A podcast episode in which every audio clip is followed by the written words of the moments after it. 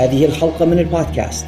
تأتيكم برعاية المستمعين الواعين بمخاطر فيروس كورونا من أمثالكم الذين لا يخرجون من بيوتهم إلا للضرورة القصوى وحين خروجهم يرتدون الكمامة وحين عودتهم إلى البيت يقومون بغسل أيديهم جيدا بالماء الدافئ والصابون.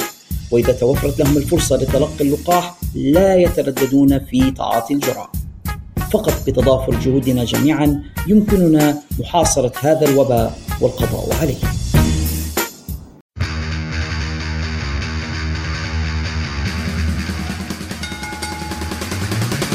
أقوى المواجهات وأكبر النزالات. كلها تجري في مكان واحد في الحلبة. البرنامج الإذاعي الأول في ليبيا والوطن العربي لمصارعة المحترفين وفنون القتال المختلطة. في الحلبة. تغطيات تحليلات وأخبار من مختلف الاتحادات حول العالم. الحلبة مع عمر رقيح Give me a hell yeah! وعلى أشري The best there is, the best there was, and the best there ever will be. And that's the bottom line. The Stone Cold Sepsis.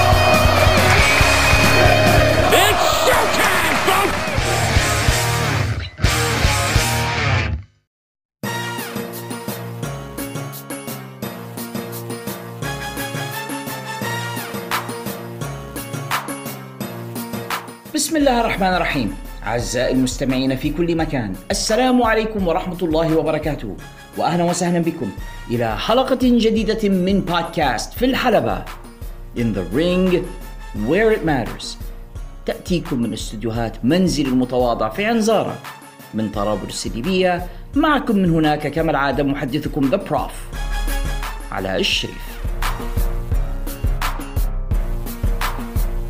أرحب بجميع مستمعي هذه الحلقة من البودكاست في كل مكان من العالم سواء كنتم داخل ليبيا أو خارجها عبر Anchor.fm ومنصاتها المتعددة Apple Podcasts Google Podcasts Spotify. نحن موجودون على Podbay Pod Paradise Podbean أي حاجة فيها بود موجودين على player.fm موجودين على أنغامي. كذلك يمكنكم العثور علينا على يوتيوب. فلو كنتم تسمعوا فينا على يوتيوب مرحبا بكم واهلا وسهلا بكم جميعا. كذلك وأرحب بجميع مستمعينا عبر أثير راديو ly.fm 96.9 في مدينة طرابلس. فاهلا وسهلا بكم جميعا فردا فردا. ولكن بالطبع ضروري من shout out أو تحية خاصة لأصدقائنا المميزين. rockstar بودكاست في الحلبة اللي هم ديما معنا دائما على تواصل مع البودكاست ويراسلوننا ويبعثون إلينا بالأسئلة والاستفسارات وهم حقيقة the wind under our wings لولاهم لما استطعنا نستمر بهذا البودكاست كل هذا الوقت. ومنهم على سبيل الذكر لا للحصر الصديقان حسن وحسين عبد الله The Young Bucks عنا الصديق المميز عبد المجيد أبو عزة عنا من الكويت الشقيق عبد العزيز حسن عنا في المغرب عزيز هاردي لانستر عنا من تونس أيمن قريشي. نرجع إلى ليبيا ومعانا محمد عبد السلام من مدينة زليطن الحبيبة. عنا في مصراتة الصديق هدية الأحجل معانا من لندن الكابتن أكرم شلابي وغيرهم الكثير الكثير ممن قد يقصر عنهم الذاكرة ولكنهم موجودون جميعا في القلب. مرحبا بكم جميعا واهلا وسهلا بكم إلى هذه الحلقة 72 من بودكاست في الحلبة In the ring where it matters in the ring where you matter دائما ما أبدأ هذه الحلقات بالحديث عن الوضع الراهن في بلدي ليبيا مدينة طرابلس والوضع الكهربائي على وجه الخصوص لأنه من أكثر الأشياء التي تؤثر على إمكانية تقديم هذه الحلقات. لماذا؟ لأن مشكلة الكهرباء في ليبيا وفي طرابلس هي التي تؤثر على مدى قدرتي على تقديم هذه الحلقات والخروج بها في الوقت المناسب.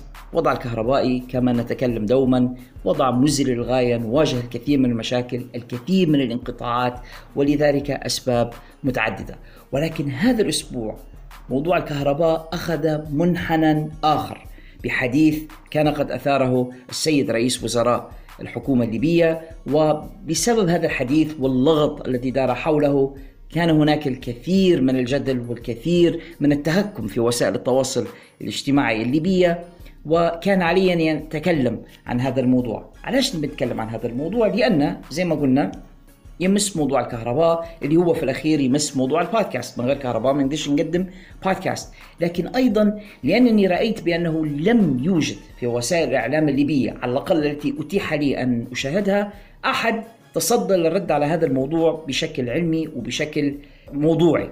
في نفس الوقت رأيت الكثير من الذين ظهروا في وسائل أخرى إعلامية وكذبوا على الناس ودلسوا على الناس ويحاولون الآن تضليل الناس في هذا الشأن وفي هذه المسألة وقيادتهم باتجاه آخر.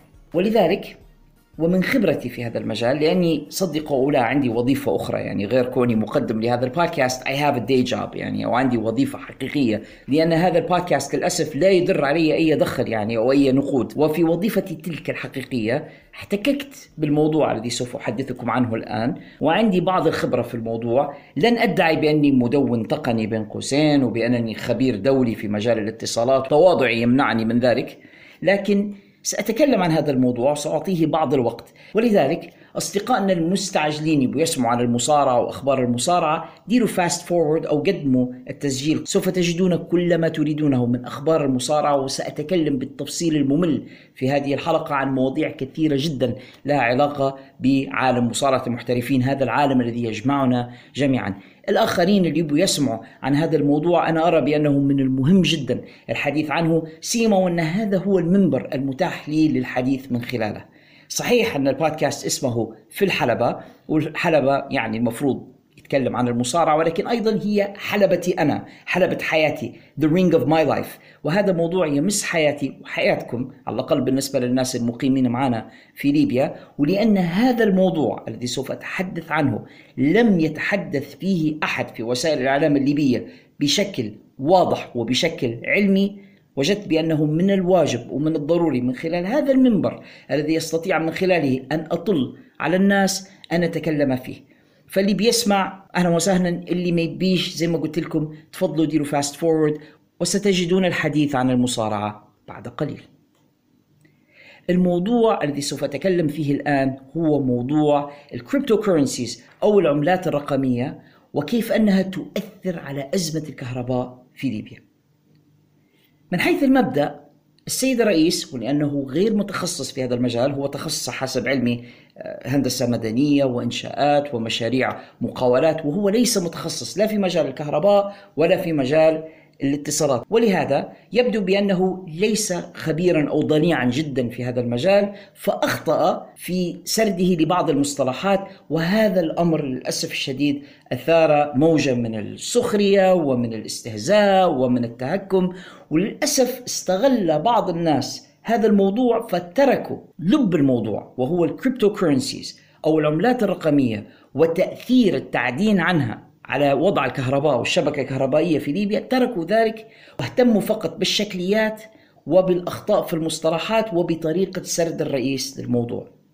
السيد الرئيس معروف عنا بأن عنده شوية جافس أحيانا عندما يتكلم يتلعثم أو يضع كلمة مكان كلمة آه، سبق لسان. حصلت له بعض المواقف الشهيرة في هذا المجال وأصبحت للأسف هدفا لبعض الكوميديانات اللي لدمهم مرزين واحد. هذا مش موضوعنا توا. وأيضا المصطلحات التي استخدمها الرئيس أو أساء استخدامها ليست موضوعنا. أنا سأذهب إلى لب الموضوع لأن هذا هو الأصل، العملات الرقمية التي ذكرها الرئيس، هل لها بالفعل تأثير على وضع الشبكة الكهربائية في ليبيا؟ وفي الأصل شنو هي العملات الرقمية؟ شنو هو البيتكوين هذا؟ وعلاش يتكلم عليها الرئيس؟ وشنو علاقتها بوضع الشبكة الكهربائية؟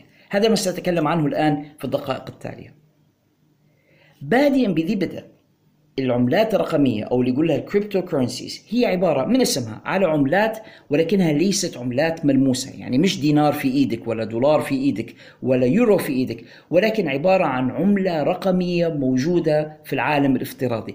زي بالضبط الأصدقاء الافتراضيين اللي على تويتر ولا على فيسبوك ولا وسائل التواصل الاجتماعي أو زي أي مواضيع أخرى في العالم الافتراضي يعني ما هياش نقود حقيقية نستطيع أن نلمسها بأيدينا ولكن لها قيمة. فكيف ذلك؟ العملات العادية الدينار على سبيل المثال أو اليورو أو غيرها من العملات باستثناء الدولار الدولار لها وضع خاص ولكن العملات الأخرى العادية قيمتها مستمدة من احتياطي الذهب التي تملكها تلك الدولة يعني مثلا نقول دولة ليبيا تملك مقدار كذا من الذهب ذلك المقدار من الذهب يمكن التعبير عنه بالنقد بالأوراق النقدية التي نستخدمها العادية هذه الدينارات مثلا عملة الدينار أو الخمسة دينار أو العشرة وهكذا.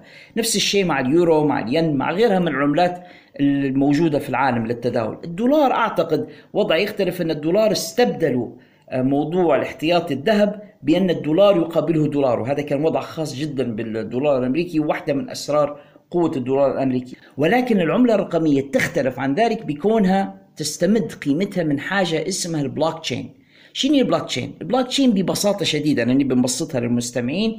البلوك تشين عبارة عن منظومة حاسب آلي تستقبل أعداد هائلة. إحنا نتكلم على مليارات من العمليات الحسابية التي تذهب إليها. في الثانية وتقوم بإرسالها مرة أخرى. بقاء البلوك تشين نشط يعني تخش للعمليات وتطلع منها العمليات باستمرار باستمرار باستمرار هو ما يضمن استمرار البلوك تشين يعني يقعد البلوك تشين على قيد الحياة وطالما في بيانات تدخل إلى البلوك تشين ويقوم البلوك تشين بإرسال البيانات تبقى هذه العملة نشطة أو العملات هذه بصفة عامة بيتكوين وغيرها. تبقى نشطة وتبقى على قيد الحياة طالما البلوك تشين هذا باق على قيد الحياة. نشبهها شوي يعني بقلب يدخل إليه الدم ويقوم بضخ الدم. طالما القلب يتحرك يخش له الدم ويطلع من الدم الجسم يبقى على قيد الحياة. هذا ربما أقرب تشبيه أستطيع أن أتوصل إليه. طيب ما علاقة هذا كله بالموضوع؟ جايك الآن.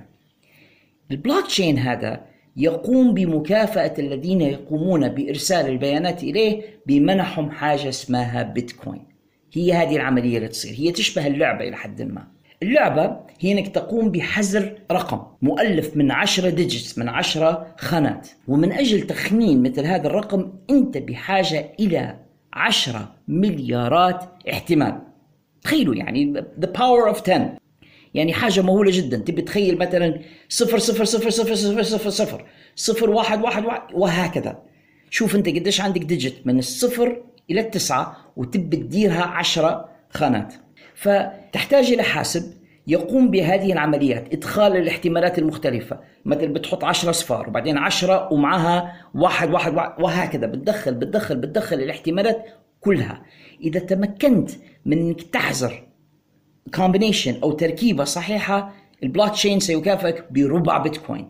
وبعدين عليك إنك تقوم بهذه العمليات مرة أخرى العشرة مليار احتمال. لن تصل إلى الاحتمال الصحيح مرة أخرى تحصل ربع آخر وهكذا. لو وصلت إلى أربعة تحزيرات صحيحة البلوك تشين حيعطيك Bitcoin. ال Bitcoin سعره يعني يتراوح في سوق البورصة بتاعت العملات الرقمية ما بين 50 60 ألف دولار رقم كبير للغاية خاصة. مقارنة بالعملة الليبية الآن يعني وضحا منهار للأسف الشديد. طيب للقيام بهذه العملية عمليات الحزر هذه أنت ما تقدرش تدير على اللابتوب متاعك كما يحاول بعض المدلسين أن يوحي للناس. ما تقدرش تدير على اللابتوب متاعك ما تقدرش تدير على موبايلك ما تقدرش تدير على حاسب عادي.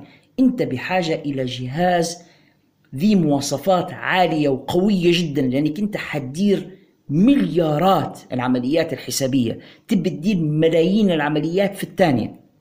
فمش أي حاسب اللي يديرها تبي super computer الأجهزة هذه يسموا فيها Bitcoin mining machines أو آلات التعدين عن البيتكوين. هم سموها التعدين يعني قياسا على زمان أجهزة التعدين عن الذهب. لو أنتم شايفين في الأفلام القديمة لما يمشوا لل Grand Canyon في كاليفورنيا في أمريكا ويقومون بالحفر والتنقيب عن الذهب أي نفس العملية بس رقميا افتراضيا. يعني عندك جهاز وسوف يقوم بملايين العمليات الحسابية في الدقيقة من أجل إن هو يطلع لك ال combinations هذه المختلفة يحط لك كلها اصفار أو كلها وحدات أو صفر واحد اثنين ثلاثة أربعة خمسة وهكذا لين يحزر لك ال combinations الصحيحة اللي بها البلوك تشين طبعا زي ما قلت لك هذا الحاسب سوف يقوم بإرسال كل مرة يدير يدير combination ويبعث ال blockchain وال blockchain يرد عليه يبعث ال blockchain وال blockchain يرد عليه. تخيلوا أنتم كم ال computing اللي يدير فيه الحاسب هذا. حاجة مش عادية. أنت جرب ألعب لعبة باللابتوب بتاعك أو بالحاسوب بتاعك وبعدين مسه من الخلف وشوف الحرارة المنبعثة عن الجهاز أو تكلم بتلفونك الذكي قليلا يعني. خلي التلفون على ودنك وأنت تتكلم وحس الحرارة اللي حتحسها من ال processor أو المعالج بتاع الجهاز بعد وقت قليل من المكالمة أو من استخدام الهاتف على الإنترنت. حتلاحظ إن الجهاز يسخن صح؟ بسبب ال processor بسبب إن المعالج يشتغل. فتخيل أنت مش اللابتوب متاعك ولا ال PlayStation متاعك ولا ال iPhone متاعك سخن. تخيل زي هذا اللي نحكي لك عليه لما يشتغل ويدير في ملايين العمليات الحسابية في الدقيقة كم الحرارة اللي حتنبعث عليه وكم الكهرباء اللي يحتاجها. الأجهزة التي تقوم بهذه العمليات واللي قلت لكم عليها الآن اللي اسمها البيتكوين mining machines تستهلك كميات مهولة من الكهرباء وتنبعث عنها كميات مهولة من الحرارة كذلك. الحاجتين هما معناه إنك أنت بحاجة أيضا إلى تكييف وتبريد لهذه الأجهزة بحيث إنها ما تسخنش آه، بشكل كبير وتفسد. فبحاجة أنت إلى شبكة تبريد بالإضافة إلى هذه الأجهزة من أجل إنك تشغلها. لهذا السبب فلقوا أن البيتكوين mining أو ال cryptocurrency mining بصفة عامة يعني التنقيب أو التعدين عن العملات الرقمية يستهلك الكثير جدا من الكهرباء. وجد بأنه يستهلك هذا من فترة يعني داروا دراسة جامعة كامبريدج وجد بأنه يستهلك كمية كهرباء تكفي لجمهورية أيرلندا بالكامل. تخيلوا دولة صناعية أوروبية زي أيرلندا دولة أوروبية كبيرة كمية الكهرباء اللي فيها يعني ايرلندا بمصانعها بمعامل الحديد والصلب والفحم اللي فيها والمطاعم والمقاهي وال pubs والمطارات والدنيا هذه كلها أيرلندا مش دولة صغيرة. تخيلوا كهربائها كلها أو يقولوا ان البيتكوين mining يساوي هذا كله. حاجة مش بسيطة. وجد بأن هذا تو ال cryptocurrency mining في العالم يساوي استهلاك 19 دولة من الاتحاد الأوروبي من الكهرباء. إحنا ما نتكلموش على ميجا واتات إحنا نتكلموا على تير واتات كميات الكهرباء المستهلكة في هذه العمليات مهولة وضرت بالشبكات الكهربائية في الكثير من الدول. لأن شن صار؟ الموضوع هذا بده يتسرب قليلا قليلا إلى اقتصاديات الدول. واصبحوا في شبكات تحاول ممارسة هذا النشاط من أجل الحصول على هذه البيتكوينز. لأن البيتكوينز هذه عندما أنت تفوز بها وأنا كان ينبغي أن أقول هذا في بداية الحديث عندما أنت تفوز في لعبة البيتكوين توضع هذه القيم أو البيتكوينز لصاحب الجهاز الفائز في محفظة افتراضية إلكترونية. ومفروض إن صاحب الجهاز عنده username و password يعني يقدر ي access أو يقدر يدخل على هذه البيتكوينز ويستخدمها أونلاين للبيع والشراء إذا كان يريد أو يستطيع أن يبيع البيتكوينز نفسها ويقبض مقابلها دولار في بعض الدول. هناك من يشتري منك هذه البيتكوينز ويعطيك مقابلها عملة ورقية أو عملة ملموسة. فأصبحت هناك تجارة رائجة. للغاية في العالم للقيام بهذه العملية. وفي النهاية جماعة البلوك تشين يبوا يخلوا البلوك تشين بتاعهم على قيد الحياة. هي هذه الفكرة يعني. إرسال البيانات واستقبالها وبعث بيانات أخرى. موضوع كبير جدا ومش بسيط يعني. هناك هناك تدفق غير عادي من البيانات من وإلى هذا البلوك تشين طيب فيما يستفيد الناس من هذا البيتكوين أو من هذه العملات الرقمية؟ للأسف الشديد أغلب تطبيقات العملات الرقمية تطبيقات إجرامية أو لحاجات غير شرعية. يعني إحنا نتكلم على تجارة السلاح تجارة المخدرات تجارة البشر أي نشاط أصحابها ما يبوش ينكشفوا. علاش؟ الأمريكان عندهم مبدأ خاصة في عالم الاستخبارات يقولوا له follow the money. تبع النقود ولو استطعت إنك أنت تتبع مصدر التمويل وتبعت الفلوس نفسها تستطيع أن تعثر على من قام بعمليات معينة. بالنسبة لوزارة الخزانة والتجارة الأمريكية يقدروا يتبعوا ال serial number أو الرقم التسلسلي الموجود على العملة نفسها. تخيل أنت لو ورقة دولار أو 10 دولار أو 100 دولار أو whatever يقدروا يلقوها ويقدروا يعرفوا ultimately في النهاية من اللي شري بها شنو. يعني following the money أو تتبع النقود. لكن هذا الأمر لا يتأتى مع العملات الرقمية التي يصعب جدا تتبعها. ولهذا هي دائما تستخدم للعمليات السوداء لغسيل الأموال للأنشطة المشبوهة وغير الشرعية. لهذا السبب الكثير من الدول منعت التداول بهذه العملات. بعض دول الإفتاء في دول إسلامية أصلا حرمتها. عندنا في ليبيا مصر في ليبيا المركزي قاموا بإصدار قانون بمنع وتجريم التداول بها. وكثير من الدول بسبب ذلك وأيضا بسبب الضرر على الشبكات الكهربائية اللي كنا تكلمنا عليه من شوية قاموا بمنع حتى التعدين أو التنقيب عن هذه الأشياء. دول أخرى سمحت بالتعدين والتنقيب عنها يعني الأجهزة هذه اللي حكيت لكم عليها البيتكوين mining machines أو ال crypto mining machines ولكن بشروط ويطلبوا منك ترخيص ويجب أن تدفع قيمة فواتير الكهرباء التي سوف تستهلكها لأنك أنت حتستهلك كميات مهولة من الكهرباء. تلك الدول وشركات الكهرباء فيها ستطالبك بالفواتير ادفع قيمتها وافعل ما تشاء. ولكن للأسف الشديد الوضع ليس هكذا في ليبيا. ليبيا في السنوات الأخيرة وفي ظل الفوضى التي نعيشها والحدود المفتوحة والسيادة المنتهكة للأسف الشديد أصبحت ما هو فؤاد وقبلة القائمين بهذا النشاط. عدة وسائل إعلام عالمية منها موقع بلومبرج منها اللي ذكرتها من شوية جامعة كامبريدج وغيرها تكلموا على أن ليبيا الآن أصبحت وركزوا معي في هذه الأرقام التاسعة على مستوى العالم في هذا النشاط. والأولى على مستوى العالم العربي وإن لم تخني الذاكرة الثالثة على مستوى قارة أفريقيا. بالنسبة للناس اللي ما يعيشوش في ليبيا أو ما يعرفوش عليها الكثير ليبيا دولة تعداد سكانها لا يتعدى 6 مليون. ولا تصدقوا من يقول بأن تعداد الليبيين أكثر من هيك إحنا 6 مليون لا زدنا ولا نقصنا يعني. فتخيلوا بلد تعداد سكانها 6 مليون. ياخذوا ترتيب متقدم عالمي في مجال زي هذا. جبنا فيه التاسع.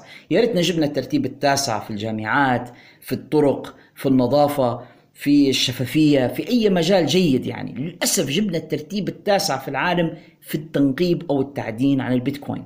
وجبنا الترتيب الأول على مستوى العالم العربي. تخيلوا العالم اللي فيه الصين والهند والأرجنتين والبرازيل وال United States وروسيا وهالدول اللي تعداد سكانها بالمليارات وبمئات الملايين وجبنا عليهم الترتيب التاسع. العالم العربي اللي فيه مصر الله أعلم 120 مليون ولا قداش والدول الخليجية اللي عندهم الكهرباء وعندهم الخدمات وعندهم معقولة ليبيا تجيب عليهم الترتيب الأول؟ شنو السبب؟ السبب إن هناك فوضى هناك عدم سيطرة على الحدود وهناك كهرباء مجانية. لأن شركة الكهرباء لا قادرة إنها تحصل الفواتير ولا قادرة تدير جباية ولا قادرة تسيطر على أسلاكها ولا عندها أي سيطرة على بعض المناطق في الدولة. في الوقت اللي تنقطع الكهرباء علينا في مدينة طرابلس وفي بعض المدن الأخرى في ليبيا هناك مناطق أخرى ولابد من نتكلموا بصراحة خارج نطاق السيطرة.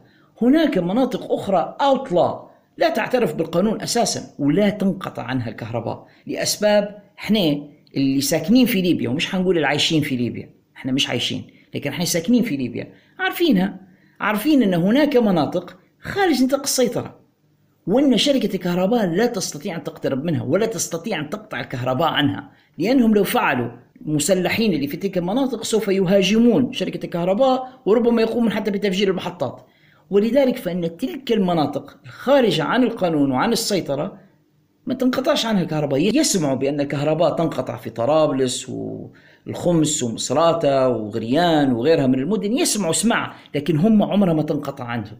تلك المناطق تحولت إلى مراكز للتعدين عن العملات الرقمية. وهناك أناس يقومون بالفعل بجلب هذه الأجهزة عبر الحدود غير المسيطر عليها. وضعها على هيئة مزارع وعلى هيئة مصفوفات في مناطق خارج سيطرة الدولة ويقومون بتوصيل الكهرباء إليها بطرق وتوصيلات غير شرعية ويقومون بعمليات التعدين بدون حسيب ولا رقيب. ويبدو بأن الدولة نفسها ما كانتش عندها فكرة عما يحصل. وعندما تخرج تصريحات الشركة العامة للكهرباء يقومون بلوم الشعب. يقولوا أنتم يا شعب عندكم استهلاك غير طبيعي للكهرباء. الناس كل الناس اللي نعرفهم مستغربين يقولوا شنو شنو الصرف اللي عندنا؟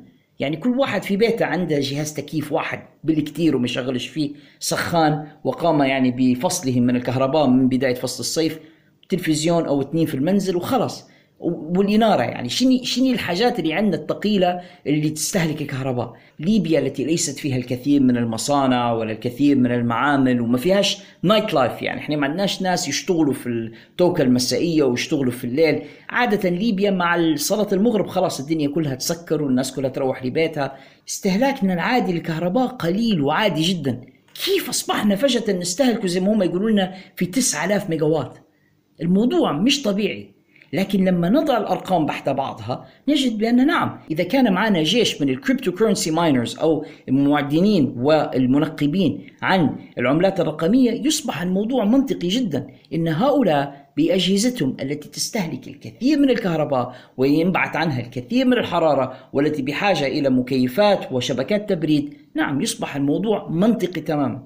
ويصبح منطقيا أكثر عندما ندرك بأن بعض دول الجوار قامت بتجريم ومنع هذا النشاط، بل قامت بعمليات مداهمة لممارسي هذا النشاط وعندما قاموا بمداهمتهم وبقفل مراكزهم انتقلوا بنشاطهم إلى ليبيا مفتوحة الحدود واللي زي ما قلت لكم الكهرباء فيها مجانية وما فيهاش رقيب ولا حسيب وأعتقد إن أغلب المسؤولين فيها حتى اللي في الجمارك مش عارفين شنو الأجهزة هذه اللي قاعدة تخش أنا متأكد إنهم يشوفوا في الأجهزة تخش من الحدود ويعتقدون بأنها أجهزة تكييف ولا PlayStations أو ما نعرفش شنو يخطر في بالهم أو يجوا في بالهم وهم يسمحون لهذه الأجهزة بالدخول. والعمل على قدم وساق.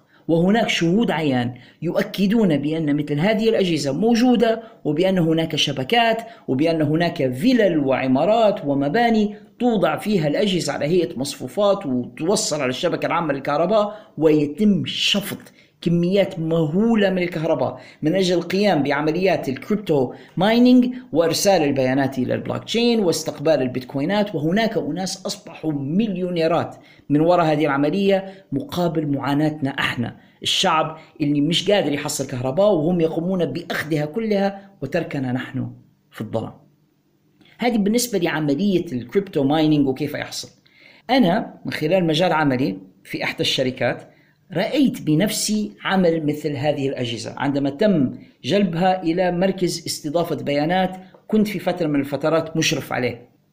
حيث قام بعض الشباب بجلب مثل هذه الأجهزة ما قالوا لناش عليها في وقتها وما كناش نعرفوا ماذا تفعل. هم قالوا عندهم تجربة علمية يبوا يديروها إحنا عندنا مركز لاستضافة البيانات في الشركة التي أعمل بها. مركز استضافة البيانات مهمته أنك أنت تضع مثلا server أو جهاز خادم في المركز ويقوم المركز بتوفير الكهرباء والتكييف والإنترنت والحماية للأجهزة التي تقوم بوضعها داخل ال data center أو داخل مركز البيانات.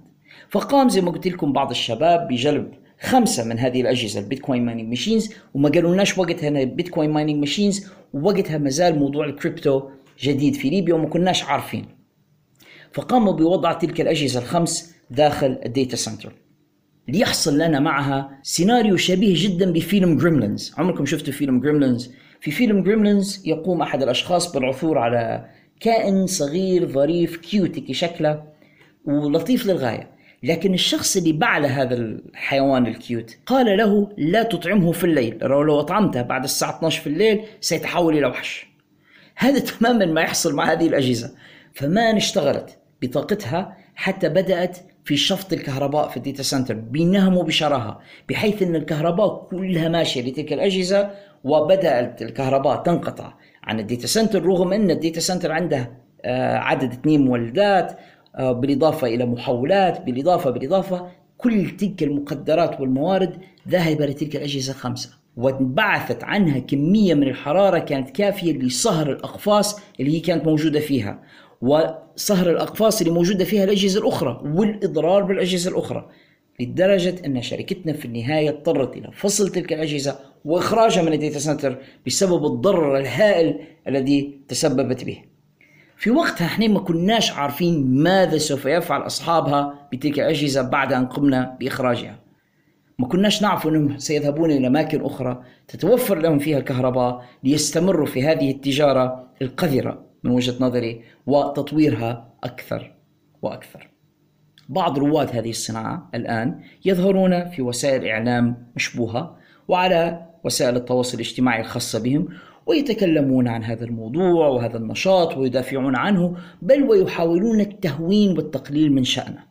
وهذا ذكرني كثيرا بذلك المثل الذي يقول بأن أبرع خدعة قام بها الشيطان عليه لعنة الله هي عندما أقنع بني الإنسان بأنه غير موجود. وأكثر واحد يحاول يهون عليك من شأن نظريات المؤامرة هم من يقومون بحياكة نظريات المؤامرة. فهم ما يبوكش تنتبه فيقول لك لا لا لا ما تصدقش ما فيش ما, ما تعدلوش. لا الكريبتو هذا ما يأثرش. شني شني صرفه؟ ما يدير شيء أصلا. آه، إحنا نديروا في الكريبتو على ال laptops متاعنا. إحنا نديروا في الكريبتو على آه، تلفوناتنا. وبعدين صرف الكهرباء بسيط جدا. وأنتم تبالغون وأنتم تهولون وأنتم وأنتم.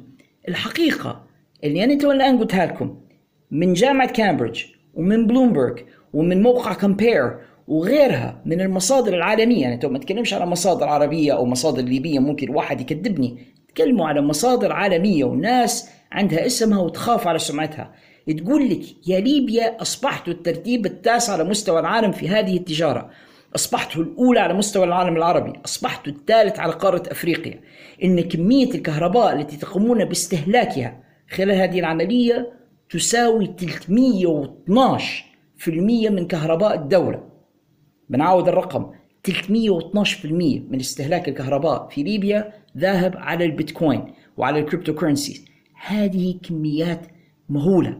في ظل غياب الدولة طيلة سنوات عديدة ما كانوش عارفين أصلا شن صاير. يشوفوا عندهم في استهلاك يقومون بلوم الشعب ويا شعب رشدوا الاستهلاك وطفوا المصابيح وديروا المصابيح الاقتصادية وسكر التلفزيون لما تطلع من مش عارف وين وقيامك بمش عارف شنو. هذه الدعايات المستفزة التي يقومون ببثها في التلفزيون ويقومون بطرح الأحمال. يعني إنهم هم خلاص ما عادش قادرين إنهم هم يتصرفوا. طبعا زي ما قلت لكم هناك مناطق خارج السيطرة ما يقدروش يقطعوا عليها الكهرباء من أجل إنهم هم يقعدوا على آه، الشبكة يقومون بفصل الكهرباء عن المناطق المدنية الآهلة بالسكان اللي هم يخضعون للقانون ولسيطرة القانون فإحنا الله غالب نتقبل هذا القرار على مضض ويقومون بفصل التيار الكهربائي عن بيوتنا كل يوم بالثمانية وبالعشرة وبالستاشر ساعة في اليوم والليلة في أي وقت وفي كل وقت ونعاني الأمرين نفسيا وصحيا وفي كل المجالات يعني اللي عنده محل بضاعته فزدت اللي عنده صيدلية العيادات المستشفيات الموضوع أصبح كارثة بالنسبة لنا. في الوقت اللي هؤلاء المجرمون مستفيدون من من الكهرباء المجانية ليقومون بدفع الفواتير ويقومون باستخدامها في هذا الاستخدام السيء للحصول على تلك البيتكوينز أو ايفر العملات الرقمية التي يقومون بالتنقيب عنها لبيعها للحصول على الدولارات وتركنا نحن في الظلام. وهذا لعمري اللي يقولوا له فعلا تجارة الدماء.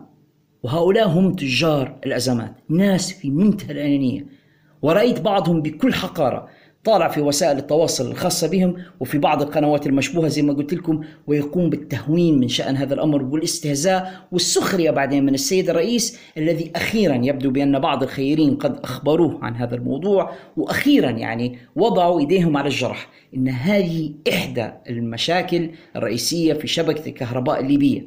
هل هي المشكلة الوحيدة؟ لا.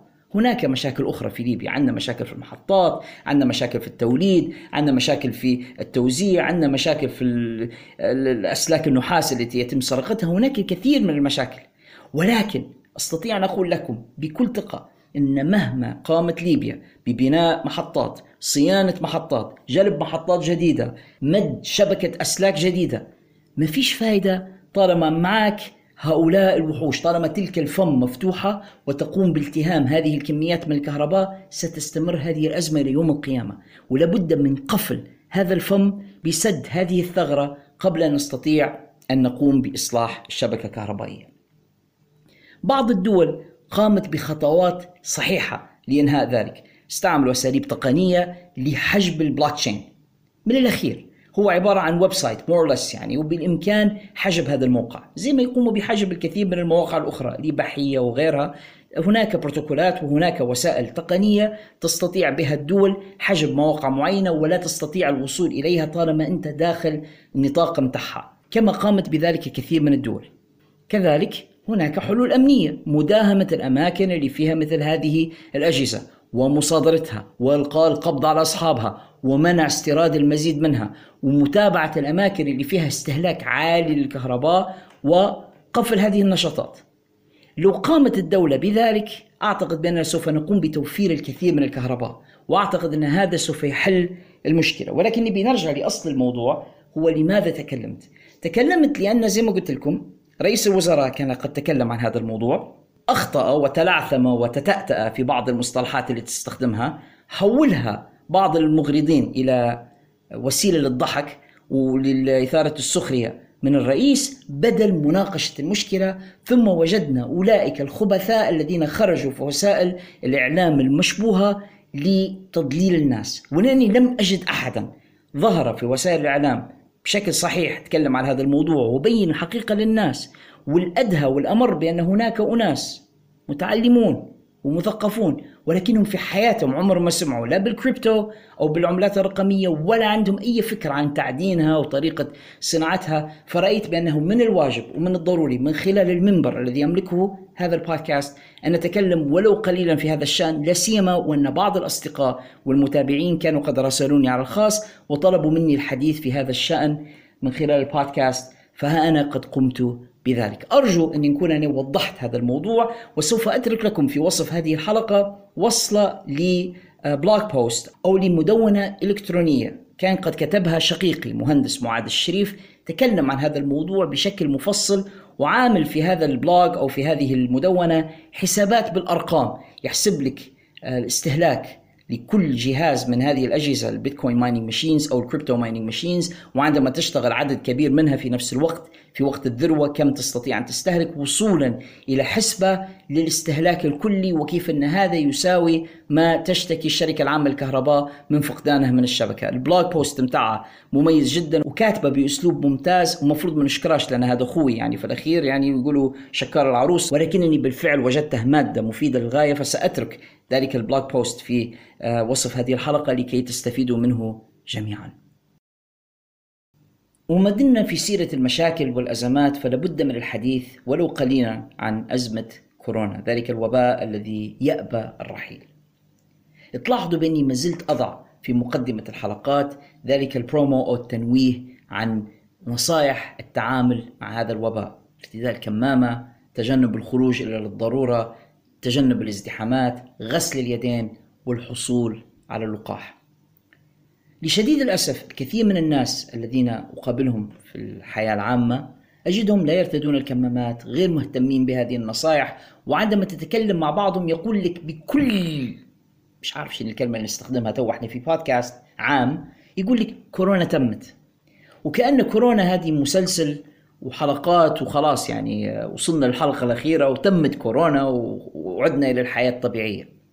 أنا آسف نقول لكم أعزائي المستمعين بأن كورونا إن كانت مسلسلا فهي مسلسل مكسيكي من مئات الحلقات وعشرات الأجزاء. ما زال الموضوع هذا لم ينتهي بعد. كورونا انتهت أو كادت تنتهي في الدول اللي تهتم سكانها بأنهم هم يتلقوا اللقاح. للأسف الشديد في بلادنا هذه ليبيا نسبة المتلقين للقاح منخفضة جدا. إحنا عندنا 30% بس اللي ياخذوا الجرعة الأولى هذا حسب آخر إحصائيات شفتها هنا على الأقل. 30% بس اللي ياخذوا الجرعة الأولى وبعدين أقل من ذلك بكثير 13% تقريبا الذين تلقوا الجرعتين. أما اللي ياخذوا الثلاث جرعات فرقم لا يكاد يذكر على الإطلاق. هذه كارثة. الخطوة الأولى للقضاء على الوباء في أي بلد من البلدان الحصول على اللقاح المضاد لهذا الوباء. أغلب الليبيين للأسف الشديد لا يبي ياخذ اللقاح لا يبي يلبس الكمامة لا يبي يلتزم لا يبي يقعد في الحوش يبي يسلم بيديه ولو يقدر يسلم حتى برجليه بيسلم ويحضن ويبوس وما ما وشفتهم في العيد يعني حاجة تخوف بصراحة. أنا سعيد بمظاهر الألفة والصداقة بين الناس لكن ناسين تماما أن في وباء وبأن هذا الوباء ينتقل بالدرجة الأولى بالتلامس وبالأحضان والحاجات هذه المفروض نتبعد شوية. معلش السلام بالحواجب ما فيش باس الآن أو بال fist bumps. لا إحنا الأحضان والقبلات الحارة وبالرياقة يعني ما ما وكذا. الموضوع غلط. الكمامة ما عادش في من يلبس فيها لما رحم ربي. اللقاح اللي تسأل يقول لك فكني منه من بيش ناخذه. وتسمع أشياء غريبة جدا من الناس لما تكلمهم عن اللقاح. يعني واحد يقول لك أنا خديته أول مرة وتعبني ما بيش ناخذه مرة ثانية. يا سلام! يعني لما خديته وتعبت خلاص ما عادش بتاخده تاني لاحظ حاجة. لما خديت اللقاح وجاتك أعراض وتعبت شوية أنت مش حتكون معدي لغيرك. يعني في الأخير أنت تتعب يوم اثنين وبعدين خلاص. وتاخذ مناعة وما تصابش بالمرض. يعني أو على الأقل نسبة إصابتك بالمرض تقل. But if you take your chances زي ما يقولوا بالإنجليزي أو أنك أنت مستعد تراهن على احتمال إصابتك بكورونا حتجيك نفس الأعراض اللي أنت خايف تصاب بها من اللقاح بس في الحالة هذه مش بس تصاب أنت حتعدي غيرك. فلو أنت مش أناني حتاخذ اللقاح حتى مع احتمال إنك أنت تتعب شوية بعد اللقاح من أجل انك ما تعديش غيرك. اللي صاير إن أغلبنا أناني ما يفكرش إلا في اللحظة هذه يقول لك لا ما نمشيش ناخذ اللقاح ونتعب. اتعب توا وما تعديش غيرك. أحسن من إنك أنت تصاب وحتتعب وحتعدي غيرك. هذه نقطة. في نوعية أخرى من الناس يقولوا في كلام غريب عجيب. اللقاح مؤامرة. اللقاح مدايرين من أجل إنهم هم يغيروا صفاتنا الجينية من أجل القضاء علينا. يا أخي شنو هي الصفات الجينية اللي بيغيروها فينا؟ شنو هو اللي بيغيروه فينا اللي بي- بيخلينا أسوأ مما نحن فيه الآن؟ يا ريت في حاجة تغيرنا لأني ما أعتقدش ان حنتغيروا للاسوء يعني. لو تغيرنا ما فيش إلا الأفضل. إحنا يعني خلاص وصلنا لأسفل السافلين. هذه نقطة. الثانية من هو اللي بيتامر علينا أصلا. فكروا في الموضوع شوية. يعني هالاختراعات اللي عندنا هالصناعات هالإنجازات خلاص العالم كله مقعمزين في غرفة مظلمة ويفكروا كيف بيتامروا علينا ويصنعوا لنا اللقاح للقضاء علينا. لأن خلاص إحنا التنين الصاعد في العالم اللي الدنيا كلها خايفين مننا وما لقوش طريقة للتغلب علينا إلا بأنهم هم يخترعوا لقاح وهمي غريب من أجل القضاء علينا. يا ناس كونوا واقعيين. وبطلوا هالمقالب اللي واخدينها في نفسكم. ما فيش حد معدل علينا.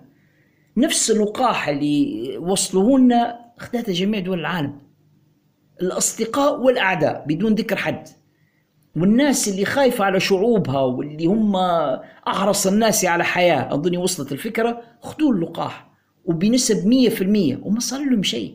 أنا اللي نكلم فيكم واخد ثلاثة جرعات مش جرعة ولا اثنين ثلاثة وما صار لي شيء الحمد لله. نزيدكم حاجة تانية.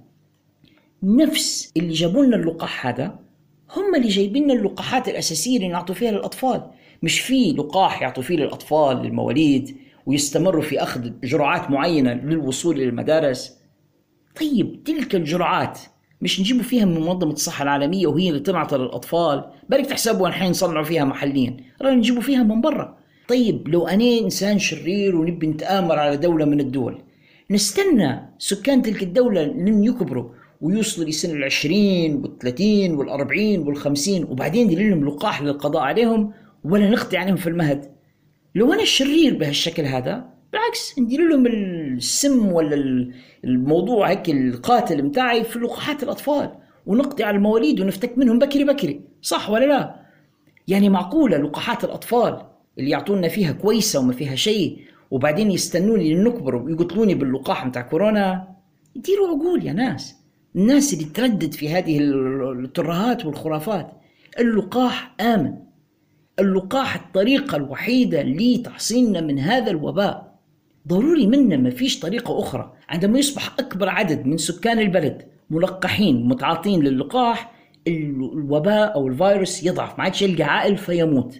لكن طالما هو قاعد يتفاعل معنا فهو يتطور. وتطلع منه طفرات جديدة ويتطور أكثر ويقوى أكثر لدرجة أنه يوصل لمرحلة أنه يتحول إلى فيروس آخر غير الفيروس اللي العلماء وجدوا له لقاح في الأساس. يعني يصبح حاجة تانية فيروس تاني غير الفيروس اللي ضده اللقاح. فلماذا نترك الفيروس اللي يتطور؟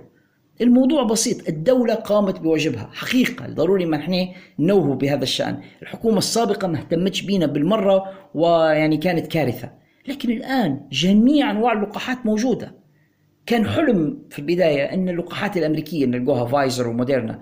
جميع الأنواع الآن أصبحت موجودة. فايزر موديرنا أسترازينيكا الصينيات كلهم الآن موجودات في المخازن وفي مراكز التلقيح والمراكز موجودة وسهلة الوصول إليها وسهلة التعامل معها جدا.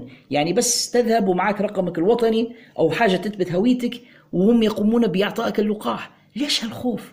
وليش هالتردد؟ أنا نتمنى لو كل إنسان يسمع صوتي الآن ما اختارش اللقاح أن يهتم وياخذ هذا اللقاح. وإلى ذلك من الحين علينا بممارسة ومزاولة بعض الحذر. اللي ما عندهاش حاجة ضرورية للخروج أنا مش شايف سبب لهذا التزاحم في الشوارع. وعمري ما فهمت شنو العشق وشنو الغرام اللي عندنا إحنا معشر الليبيين بالخروج والتزاحم في الشوارع. ما عندنا شيء برا أنا مش عارف علاش. راهو البيت كويس البيت سكن البيت ستر. هناك الكثير من الأنشطة والهوايات اللي ممكن تمارسها في البيت. لو عندكم حديقة مارس بعض البستنة ازرع حاجة في الحديقة اقرأ آه، هدرز مع أهلك ألعب game لو ما فيش كهرباء العبوا board games عرفت الشطرنج ولا بنك الحظ أي حاجة. تعرف على أهلك. هناك ناس ما يعرفوش أهلهم بصراحة ما يعرفوش خوتهم. عمرهم ما جلس مع أبيه وأمه وتكلم هو وياهم ديما في الشارع ديما في الشارع. خلينا نتعرفوا على أهالينا شوية. ما فيش بأس إنك تبقى في البيت. هالتزاحم وهالتدافع في الشوارع هيك هيمين على وجوهنا بدون سبب غير ناخده في الفيروس وننقله في الفيروس لبعضنا. غلط. نظرا لو عندنا ضرورة لكن لو ما فيش ضرورة أنا مش فاهم سبب ال- ال- الغرام بالخروج. إذا لازم تطلع. ارتدي كمامة. الكمامة هذه تحميك من إنك أنت تاخذ الفيروس لأن الفيروس بالدرجة الأولى يستهدف الجهاز التنفسي يعني حيخش لجسم الإنسان من خلال الأنف والفم بالدرجة الأولى. فالكمامة هذه تحمي وجهك. صحيح أنا عارف إنه يسبب الغمة ومزعج. أنا واحد من الناس ما نحبش نلبسه بنلبس فيه قاعد. وما نحباش يسبب لي غمة خاصة في الحر هذا. ولكن لما نفكر بأن الغمة البسيطة اللي نحسها مع الكمامة أهون بكتير من الغمة اللي ممكن واحد يستشعرها وهو مروح في مركز عزل ويدوروا له في جهاز تنفس اصطناعي. نقول بسيطة. الكمامة مش مش مزعجة جدا والكمامات أيضا متوفرة وسعرها رخيص للغاية. ضروري منها على الأقل في هذه المرحلة. راوا هناك سيرج أو هناك للأسف موجة جديدة للفيروس. دول محيطة بنا زي تونس زي إيطاليا زي تركيا. للأسف الليبيين ماشيين جايين عليها كل يوم. الآن الفيروس نشط فيها جدا. فضروري ما نحن نحمي أنفسنا وناخذ الإجراءات اللازمة. تقليل الخروج ارتداء الكمامة خاصة في الأماكن المغلقة والمزدحمة تجنب الازدحامات بقدر المستطاع غسل اليدين خاصة لما نعود إلى بيوتنا من الخارج أغسل يديك كويس بالماء الدافئ والصابون وإذا توفرت لك الفرصة لتعاطي اللقاح صدقني اللقاح آمن اللقاح ضمان إنقاذ الأرواح اللقاح حصننا. إذا كانت عندك أي حالة طبية أنت تخاف بسببها من تلقي اللقاح أنا نقول لك اتصل واستشر طبيبك اللي أنت تثق فيه. أسأله حالتي الصحية؟ هل تسمح لي بتلقي اللقاح ولا لا؟ أنا شخصيا لا أعرف أي حالة تمنع. أنا مش طبيب لكني لم أرى أي حالة تمنع من تلقي اللقاح وما سمعناش بحد أخذ اللقاح وصارت له أي حاجة تانية. ولكن سؤال الأطباء وأهل الذكر المتخصصين في هذا المجال لا يضر. اسألوا أطباءكم وأنا متأكد أن الطبيب سيجيبك بكل سرور عن هذا الموضوع. لكن ما تسليش صاحبك اللي معاك في القهوة يشيش معاك شو رأيك في اللقاح ويعود لك كلام قراه في موقع وهمي ما وتقعدوا ترددوا في في نظريات مؤامرة غبية عن هذا الموضوع ونلقوا في المقابل عزوف غير عادي عن التلقيح ونلقوا أن النسبة الغالبة من هذا الشعب غير متلقح والمرض قاعد يلعب فينا تسعة زي ما يقولوا وبعدين يقولوا كورونا تمت. كورونا ما تمتش وكورونا للأسف لن تنتهي طالما نحن عازفون عن تلقي اللقاحات وعن قيام بالأشياء الصحيحة. ضروري ما نتصرفوا بوعي ضروري ما نكونوا مسؤولين مش بس عن أنفسنا ولكن أيضا عن أهالينا. راهي في ركبتنا ومسؤوليتنا. لو حد مننا تعرض لهذا المرض ثم قام بنقله إلى شخص عزيز عليه كبير في السن أب أم جد جدة. نقل إليه هذا المرض وتسبب له في الوفاة. حتكون في رقبتك أنت. لو أنت ما اهتميتش ولم تقم بالشيء الصحيح. مش كل الناس يقدروا يتعاملوا مع هذا المرض. ما تصدقوش الناس اللي يقولوا لكم لا الطفرة الموجودة الآن مش شديدة. مش شديدة على اللي متلقح. يجب أن تفهموا هذه النقطة راهي مهمة. المرض تو الآن أوميكرون الطفرة الموجودة الآن. نعم غير شديدة بالنسبة للمتلقحين. لأن أنا ما نقولكش اللقاح يحميك 100% حتى المتلقح ممكن يصاب. ولكن الجيل المتلقح أخف بكثير من اللي مش متلقح. يعني مش واخذ اللقاح الشخص الذي لم يتلقى اللقاح وبعدين ياخذ الأوميكرون أو غيره راح تكون قوية عليه. وهناك من لن ينجو. وأنا للأسف أعرف حالات أعرف عن أناس توفوا بسبب هذا المرض. وأصدقاء وأحباب وناس نعرفوهم ورحلوا عن الدنيا بسبب هذا الوباء. وللأسف الشديد بعضنا لا يصدق أصلا بوجوده.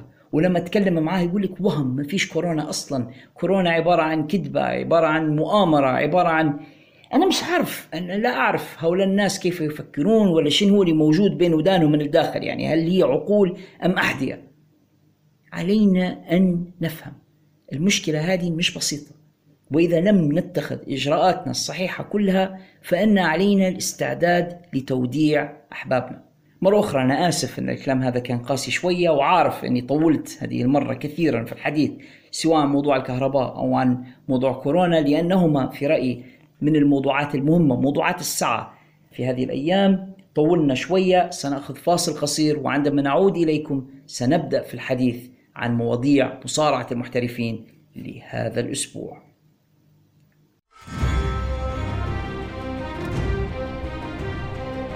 كلنا لديه ذلك الصديق وفي حالة أصدقائي الشخصيين فأنا هو الذي ما أن نخبره عن حماستنا لمشاهدة فيلم أو مسلسل ما حتى يبتسم باستهزاء ليخبرنا بأن الكتاب الذي استوحي منه الفيلم أو المسلسل أكثر تسلية وبه تفاصيل وأحداث أكثر ليتركنا نتساءل أين يمكننا الحصول على ذلك الكتاب؟ رعاتنا الرسميون مكتبة الرسالة العالمية لديهم الجواب لدى مكتبة الرسالة العالمية سوف تجدون جميع تلك الروايات التي تقتبس عنها الأفلام. هاري بوتر The Witcher جاك ريتشر شيرلوك هولمز Lord of the Rings Game of Thrones الذي تستمعون إلى لحنها هنا. جميعها بطبعات أصلية ومقابل أسعار مناسبة. وإذا كان كتابك المفضل غير موجود لديهم فلا تقلق. بإمكانهم جلبه لكم بأسرع وأقل تكلفة مما يتطلبه شراؤه عبر الإنترنت. مكتبة الرسالة لا تبيع الروايات فقط حيث لديهم الكتب الدراسية والقواميس والمراجع في كافة المجالات العلمية. وإذا لم يكن بمقدورك الذهاب بنفسك إلى المكتبة أيضا لا تقلق فلديهم خدمة التوصيل كذلك. فماذا تنتظرون؟ عالم من المعرفة ينتظركم بمكتبة الرسالة العالمية. زوروا صفحتهم في وصف هذه الحلقة واتصلوا بهم للحصول على ما تريدون من الكتب. فقط اخبروهم أنكم من مستمعي البودكاست وبأن البروف هو من أرسلكم. مكتبة الرسالة العالمية جسركم إلى المعرفة العالمية.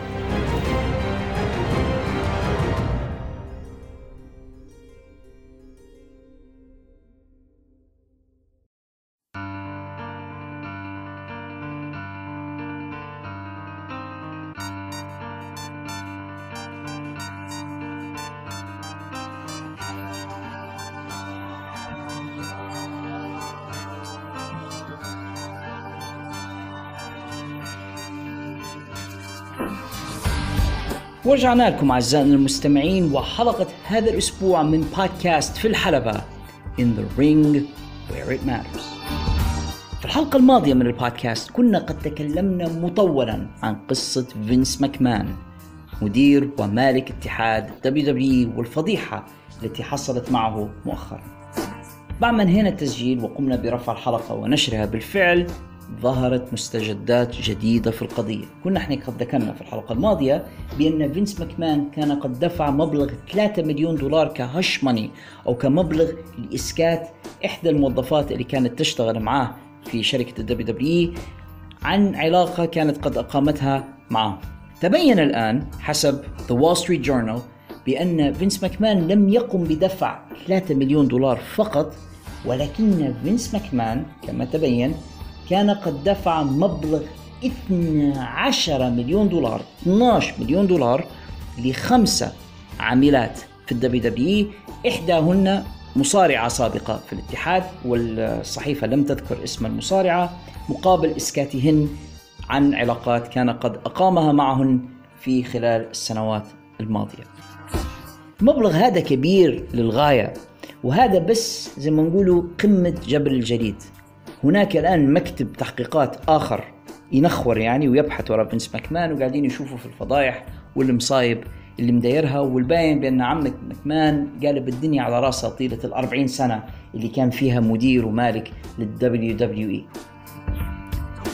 أعتقد هنا بأن enough is enough أو كفى يعني كفى. يعني فينس ماكمان يجلب لشركته الآن العار.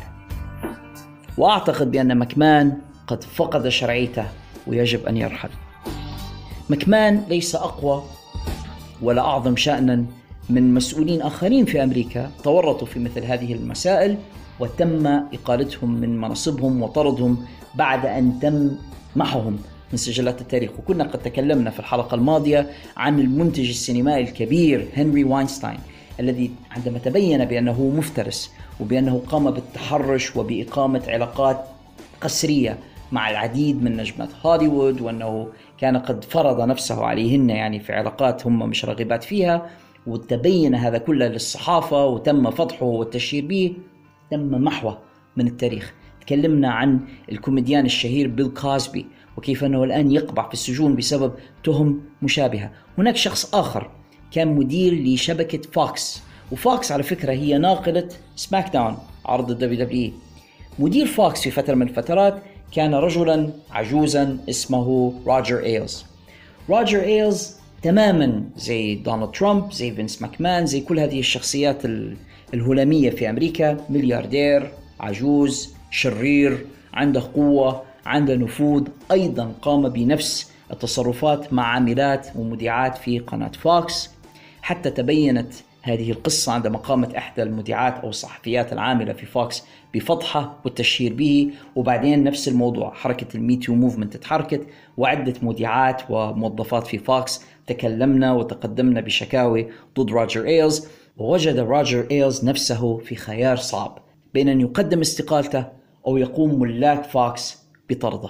فقدم استقالته يعني حاول أنه هو يدير خروج مشرف لكن ما فيش شرف في مثل هذه الحالات. وخرج روجر إيلز. وخرج أيضا بعض المذيعين والصحفيين اللي اشتغلوا معاه اللي كانوا معروفين بسلوكيات مشابهة يعني وفضيحة قناة فوكس شهيرة جدا يعني. وتم حتى إنتاج مسلسل وفيلم سينمائي شهير الفيلم عنوانه إن لم تخطئني الذاكرة Bombshell ويتكلم بالتفصيل عن هذه القضية قضية روجر إيلز. فينس ماكمان مش أكبر من روجر ايلز ومش أكبر من هارفي واينستاين ومش أكبر من كيفن سبيسي ومش أكبر من هذه الشخصيات اللي في أمريكا التي وقعت من علٍ عندما انفضحت. فينس ماكمان ببقائه في ال WWE بعد هذا كله وبعد كل هذه الفضائح التي بدأت تتكشف والفضائح القديمة التي بدأت تخرج الآن من الخزانة ومكاتب التحقيقات اللي بادية تتحرى في قضايا فينس ماكمان أعتقد بأن الشيء الصواب أن فينس ماكمان يستقيل ويبتعد. طبعا بالإضافة إلى أنه هو حتى من الناحية الإبداعية أو من الناحية ال creative سيء جدا وللغاية وحنتكلموا في هذه الحلقة عن بعض آه، معالم ذلك يعني. فينس ماكمان الآن عمره 76 سنة. تشبث وتمسك بالكرسي بهذا الشكل غريب للغاية. يعني ربما كان قد بلغ ذروة مقدراته الإبداعية في فترة ال Attitude Era رغم أن هنا ما نقدرش نعطيه الفضل تماما في ال Attitude Era في ال Attitude Era كان معاه مجموعة من الكتاب المبدعين يعني كان عنده فينس روسو وكان عنده جيم كورنيت وكان عنده آخرون هؤلاء معاه هم الذين أخرجوا the Attitude Era هو كان موجود كفلتر أو كمرشح تعجبه قصة فيجيزها قصة ثانية ما تعجباش فيمنعها ولكن في النهاية كان معاه كتاب. الآن مكمان وحده بدون هذا الدعم من فريق إبداع جيد نشوفه في البلاوي التي يرتكبها الآن في ال creative والقصص الغبية التي نشاهدها على الشاشة. تتفكر ربما الشتاء الماضي ومع فترة ال Survivor Series قصة البيضة الذهبية. اللي واحدة من أغبى القصص التي أراها في حياتي. هذه أفكار فينس ماكمان نرى الآن على سبيل المثال نجم ممتاز زي إيلاي دريك اسمه الحقيقي مش إيلاي دريك اسمه الحقيقي هو شون ريكر. وأنا عمري ما فهمت علاش ما يستخدمش اسمه الحقيقي شون ريكر يعني. تحسه اسم مصارع أصلا لكن هو سمى نفسه في عالم المصارعة إيلاي دريك. هذا الشاب يمتلك الشكل البنية القوة البدنية. مصارع ممتاز داخل الحلبة ومن أفضل الذين سمعتهم على المايك من سنوات. لما يتكلم يذكر فيه بستون كول ستيف أوستن ويذكر فيه بذا روك. يعني هو ظهر حتى في برنامج تلفزيون واقع يقدم ذا روك اسمه ذا هيرو وكان روك أو دوين جونسون قد يعني endorsed him يعني أو قام بتبني ايلاي دريك وقال لنا بأنك أنت يعني ممتاز وحيكون لك مستقبل. أنا أعرف بأن هناك كثيرون لم يشاهدوه في ال indies لكن هو أبدع في امباكت رسلينج وأبدع في ذا ان دبليو اي وقدم مباريات رائعة بل وحمل بطولات وألقاب في الاتحادات اللي كان فيها وبالفعل معبي مكانه وعندما حضر إلى دبليو دبليو اي أنا واحد من الناس خاب أملي يعني كنت عارف بأن فينس ماكمان وفريق الإبداع بتاع دبليو دبليو إي لن يستطيعوا الاستفادة من إيلاي دريك. حطوه في NXT سموه LA Knight ما أعرفش علاش. ورغم ذلك he made it work. يعني حتى الاسم هذا LA Knight حوله إلى catchphrase وعرف يستخدمه في NXT بل وصل في مرحلة أن كان من أفضل النجوم في NXT أخيرا تم بين قوسين رفعة إلى ال main roster ويظهر الآن على شاشة سماك داون ولكن يا للهول. في سماك داون نرى إيلاي دريك السابق أو LA Knight يظهر الآن باسم ماكس دوبري. وهو حسب ال storyline مدير لشركة models أو لشركة عارضي أزياء رجال. اسمها ام Maximum Male Models ومعها السعودي آه، منصور اللي الآن اسمه منصور. وهو أساسا الآن صاحبنا إيلاي دريك أو ماكس دوبري هو مالك لشركة عارضي أزياء والشخصية التي يظهر بها على الشاشة manager مش حتى مصارع لمجموعة مصارعين هم عارضي أزياء. القصة هذه من البياخة ومن الغباء بشكل لا أستطيع تصوره. في الوقت اللي الدبليو دبليو الآن بحاجة إلى نجوم بحاجة إلى main eventers خاصة مع إصابة كودي. لما نتكلموا على كودي رودز الذي قامت دبليو دبليو بإرجاعه وبإعطائها دفعة غير عادية دفعة مستوى الوحش يعني حولوه إلى أسطورة في فترة قصيرة. وبدأ الكثير من المحللين يتكلموا على أن كودي هو الذي سوف يكون خصم رومان رينز القادم وبأن كودي هو الذي سوف يتحدى رومان كانوا متوقعين في سمر سلام وكان هناك حتى ترشيحات أن كودي ربما يأخذ بطولة العالم من رومان رينز. يصاب كودي. الآن الدبليو دبليو ما عندهمش كودي. والدبليو دبليو يفتقرون الآن إلى خدمات راندي أورتن. المصاب هو الآخر. ورومان نفسه مستقبله مع الاتحاد مش واضح لأن رومان لما وقع التجديد طالب إنه هو يدير ظهورات أقل. فحتى رومان رينز نفسه مش معروف وضعه. في الوقت هذا اللي أنت تفتقد فيه إلى النجوم وعندك على يديك بالفعل نجم زي إيلاي دريك أو LA Knight أو سميه ماكس دوبري أو سميه خبزة بالجبنة سميه ما تشاء نجم زي هذا موجود بين يديك ما تستخدماش لا تحطه manager مش تستفيد منه كمصارع وتحطه في دور هزلي ذكرني كثيرا بلما الدبليو دبليو زمان جابوا تيري تايلر وتيري تايلر زمان في الثمانينات كان مصارع رائع كمستواه يقارب جدا ريك فلير وضعوه في شخصية the rooster أو الديك. وال gimmick هذا قضى على تيري تايلر ك rooster خلاص. تيري تايلر بعدها ما عادش صار منه. معقولة تجيب نجم زي إيلاي دريك LA Knight ماكس دوبري whatever وتحطه manager لشركه عارضي أزياء وتحطه في الدور الهزلي هذا. يعني هذا يدل ان دل على سوء استخدام. هذا المصارع حقيقة أتمنى انه يغادر دبليو دبليو من ضمن الناس الذين يغادرون لأنه ما عرفوش يستخدموه. على الإطلاق ايلاي دريك هذا واحد من المصارعين الذين أتمنى فعلا أنه هو ينجو بحياته. هو الآن في سن نهاية الثلاثينات بداية الأربعينات يعني حتى مسيرته في المصارعة ما عادش مازال الكثير يعني. لو ما يلحقش نفسه الآن ويطلع من الدبليو دبليو ويمشي لمكان ممكن يتم تقديره فيه أعتقد بأن ال gimmick هذا الذي تم آه، وضعه فيه سوف يقضي على مستقبله. أنا خايف انه يصير زي ما صار لتيري تايلر مع شخصية the rooster مؤسف جدا إن نجم زي إيلاي دريك يمتلك كل مقومات النجم اللي ممكن تبني عليه اتحاد كامل يتم وضعه في مثل هذه الشخصية الهزلية السخيفة. وفي الوقت اللي الدبليو دبليو زي ما ذكرنا يفتقدون إلى النجوم يذهبون إلى التوقيع مع ال celebrities مع المشاهير ونرى ذلك الآن يتجسد في التوقيع مع لوغان بول. لوغان بول تكلمنا عليه في حلقات سابقة من البودكاست هو ما هو إلا انترنت ترول أو شخص متطفل على الإنترنت. آه، اشتهر هو وأخوه اسمه جيك بول عندهم آه، قناة على اليوتيوب مش حنشهرها هنا؟ آه، يقومون فيها بنشر فيديوهات أو مقاطع مثيرة للجدل ولكن للأسف حظيت بالكثير من الشهرة وبالرواج على وسائل التواصل الاجتماعي. أصبحوا مشهورين جدا على وسائل التواصل الاجتماعي بسبب ال antics أو بسبب الأشياء التي يقومون بها.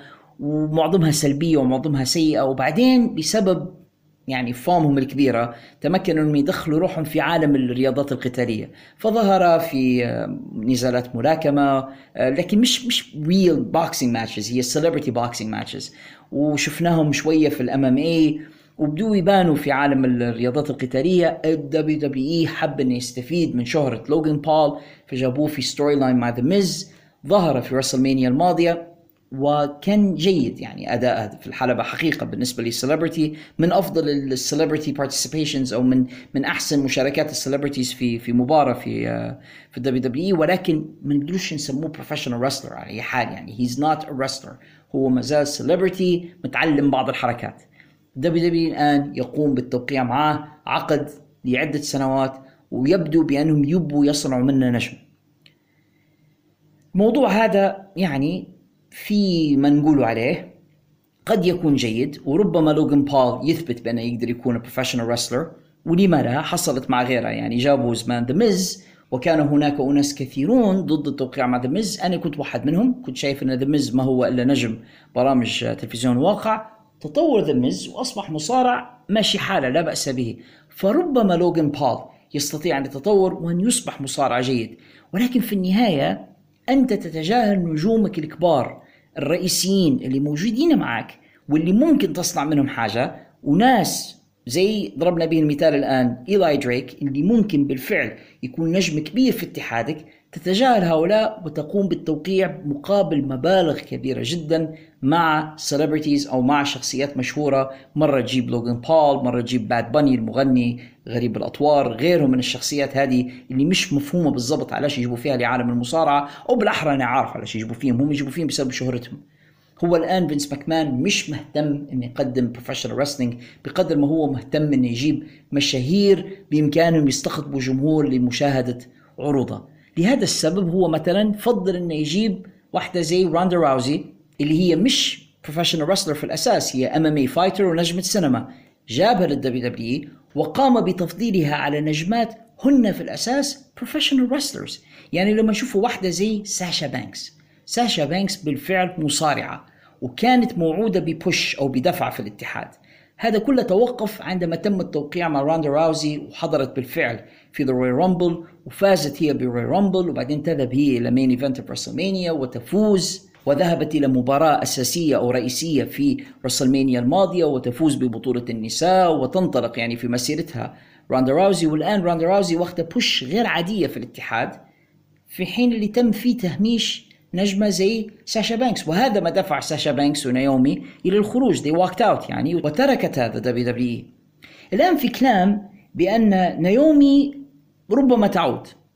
وأنا سأكون متفاجئ بيني وبينكم سأتفاجئ لو تم طرد نايومي لأن نايومي متزوجة واحد من الشقيقين ال Usos. ونحن عارفين إن العيلة السموانيه هذه عندهم علاقة ممتازة بمكمان. أعتقد وقتها جيمي أوسو هي. يعني عادة ما نعرفش نفرق بيناتهم جايين جيمي أوسو لكن أعتقد هي متزوجة جيمي أوسو. فسأكون متفاجئ لو قاموا بتسريحها. أعتقد إن هي محمية بشكل كويس كونها عندها علاقة بعائلة the Usos لكن كل المؤشرات الآن تدل على أن ساشا بانكس is out خلاص ساشا بانكس قد غادرت الاتحاد. ساشا بانكس اسمها الحقيقي مرسيدس فرنادو حتى هي من الناس اللي عمري ما فهمت لماذا لا تستخدم اسمها الحقيقي. يعني اسمها ممتاز مرسيدس فرنادو نحس فيه اسم مميز أكثر من ساشا بانكس لأن هي لا هي ساشا ولا هي بانكس يعني. لكن عموما هي اشتهرت بالاسم ساشا بانكس في الدبليو دبليو اي شي اوت قررت إن هي تغادر الاتحاد. وبقيت الآن لمدة لا بأس بها خارج العروض وتم حذف اسمها الآن حتى من الموقع متاعهم وحذف صورتها وال bio متاعها ويبدو بأنهم خلاص يعني قد أنهوا تعاملهم معها ولكن ما زال هم لم يعلنوا بأنهم قاموا بفصلها وهي لم تصرح بشيء. الآن قبل تسجيل هذه الحلقة بقليل وردتني أخبار بأن ساشا بانكس السابقة أو مرسيدس فرنادو سوف تشارك في أول حدث عام لها منذ مغادرتها لل WWE في معرض اسمه C2E2 اللي هو Chicago Comic Entertainment Expo أو معرض الكوميكس والترفيه في شيكاغو. C2E2 ستظهر في هذا المعرض مش بصفتها مصارعة ولكن بصفتها ممثلة كانت في مسلسل The Mandalorian اللي هو من عالم Star Wars وحتظهر باسمها مرسيدس فرنادو قد يكون هذا دليل على إنها خلاص قد غادرت ال WWE لأن ما فيش أي إشارة إلى كونها WWE wrestler في آه هذه المشاركة في المعرض. مش معروف الآن شن حيكون مستقبل ساشا بانكس بعد مغادرتها لاتحاد WWE هل هي حتنتقل على طول إلى عالم السينما والتمثيل زي ما هي صرحت في أكثر من مكان أم أنها ترغب في الاستمرار في الحلبات؟ لو أنا كنت مدير أعمالها وسأقوم بنصحها حننصحها أن هي تستمر في الحلبات وتستمر في المصارعة على التلفزيون لكي تظهر لأنها ما زال مش جاهزة أنها تمشي automatically لهوليوود وتظهر وتسيطر في هوليوود زي ما داروا The Rock وداروا جون سينا وغيرهم من النجوم اللي انتقلوا من عالم المصارعة إلى عالم آه، هوليوود. ساشا ما زال ما وصلش تلك المرحلة كممثلة فهي بحاجة أنها تصارع. وبالتالي مش حينفعها اتحاد زي MLW اتحاد زي Impact Wrestling NWA هؤلاء كلهم ما ينفعوهاش. لن ينفعها إلا اتحاد AEW AEW قادرين يدفعوا لها النقود الكبيرة. عندهم فلوس عندهم عرض تلفزيوني مشاهد كبير وأيضا AEW عندهم علاقة مباشرة مع WB Warner Brothers يعني عندهم مشاريع تلفزيونية وحاجات ممكن يظهر فيها بعض نجومهم. ساشا بانكس حتكون مناسبة جدا جدا وال roster النسائي أو العنصر النسائي في AEW مازال يفتقد إلى مصارعات محنكات. عندهم roster نسائي ولكن تحسوه لما تفرجوا عليه إنه sloppy إنه يفتقد إلى نجمات يستطيع إنهم هم يشكلوا أو يصقلوا هذا هذا ال roster.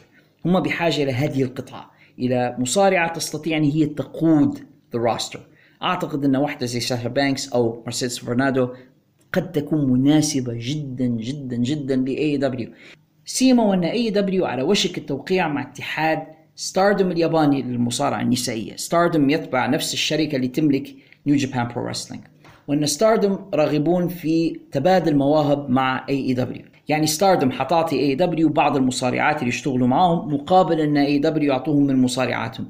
فربما فرصة حتى لنجمة زي ساشا بانكس أنها تصارع في اليابان تحصل فرصة للظهور مع ستاردوم والعودة إلى AEW قد تكون فرصة مناسبة جدا لها وتنعتق وتفتك من المشكلة اللي كانت تواجه فيها في WWE ألا وهي التهميش وتقليل من شأنها بسبب تفضيل مكمان لل celebrities والشخصيات المشهورة على حساب المصارعين والناس اللي بالفعل يقدمون professional wrestling كلامنا عن سوء إدارة مكمان للاتحاد وقبل ذلك المشاكل والفضائح التي تواجه مكمان يثير ذلك كله سؤال مهم. من ينبغي أن يخلف فينس مكمان؟ مديرا لهذه الشركة في حال ما تم إقالته أو طرده أو هو نفسه يقوم بالشيء الصواب وهو ما استبعده تماما. لأن فينس ماكمان لا يمكن أن يفعل الشيء الصواب وماكمان لن يترك ال WWE إلا إذا تم طرده. فلو قام مجلس الإدارة أو مجلس الملاك بطرد ماكمان من الذي ينبغي أن يدير دفة الشركة بعده؟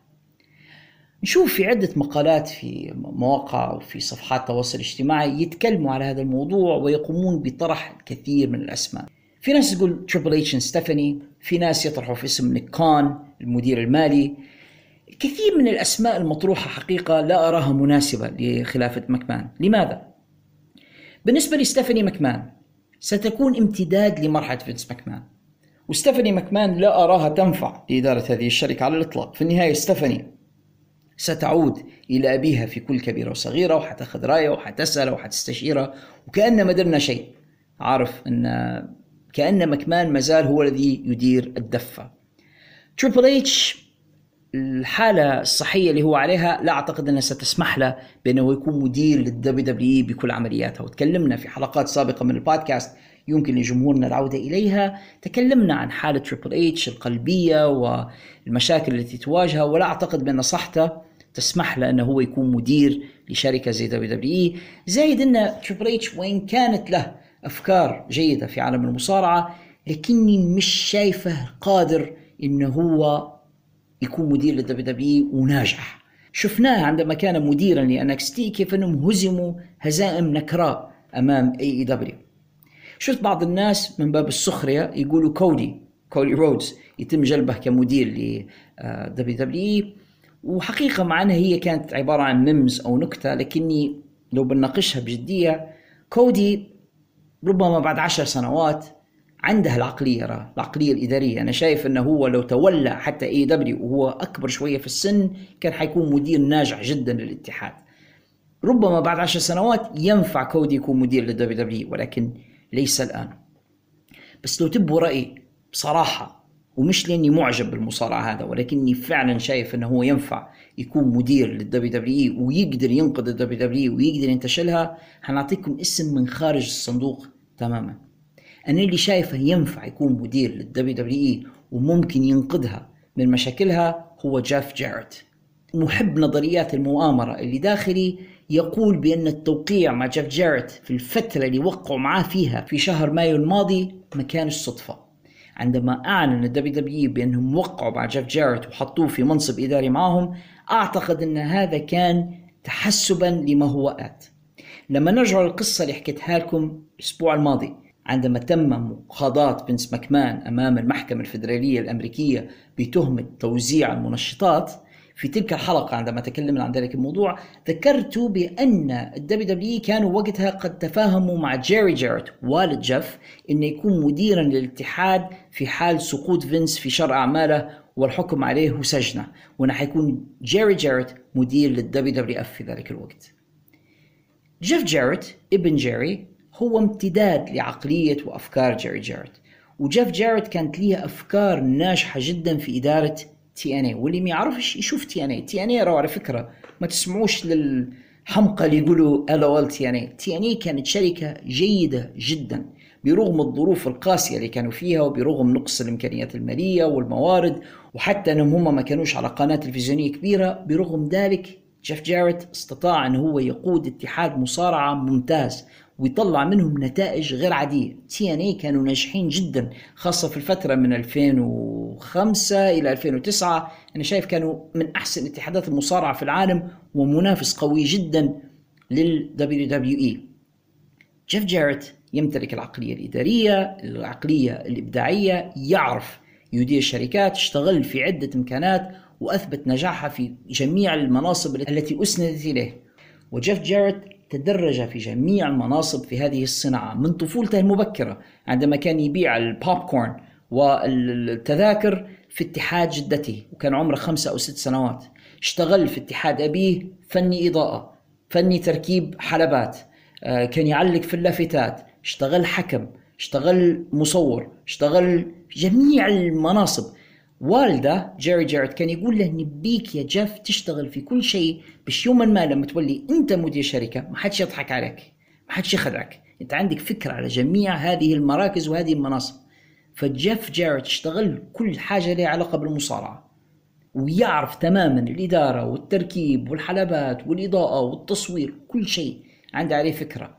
شخص بهذه العقلية يستطيع أعتقد إنه هو يدير اتحاد مصارعة. وأثبت زي ما قلت لكم نجاحها في عدة مشاريع لولا نقص الموارد المالية. لو مجلس الإدارة يبحثون بالفعل عن مدير ناجح يستطيع انتشال WWE من كبوتها الحالية وإنقاذها جيف جاريت هو الرجل الذي يبحثون عنه. وراهو توقيعهم معاه زي ما قلت لكم مش صدفة. جيف جاريت كان في السوق وكان في كلام مع نهاية سنة 2021 وبداية 22 أن جيف جاريت كان بيبدأ اتحاد خاص به. وكان عنده شريك محتمل قوي اللي هو كونراد تومسون. حنتكلموا عليه بعد شوية.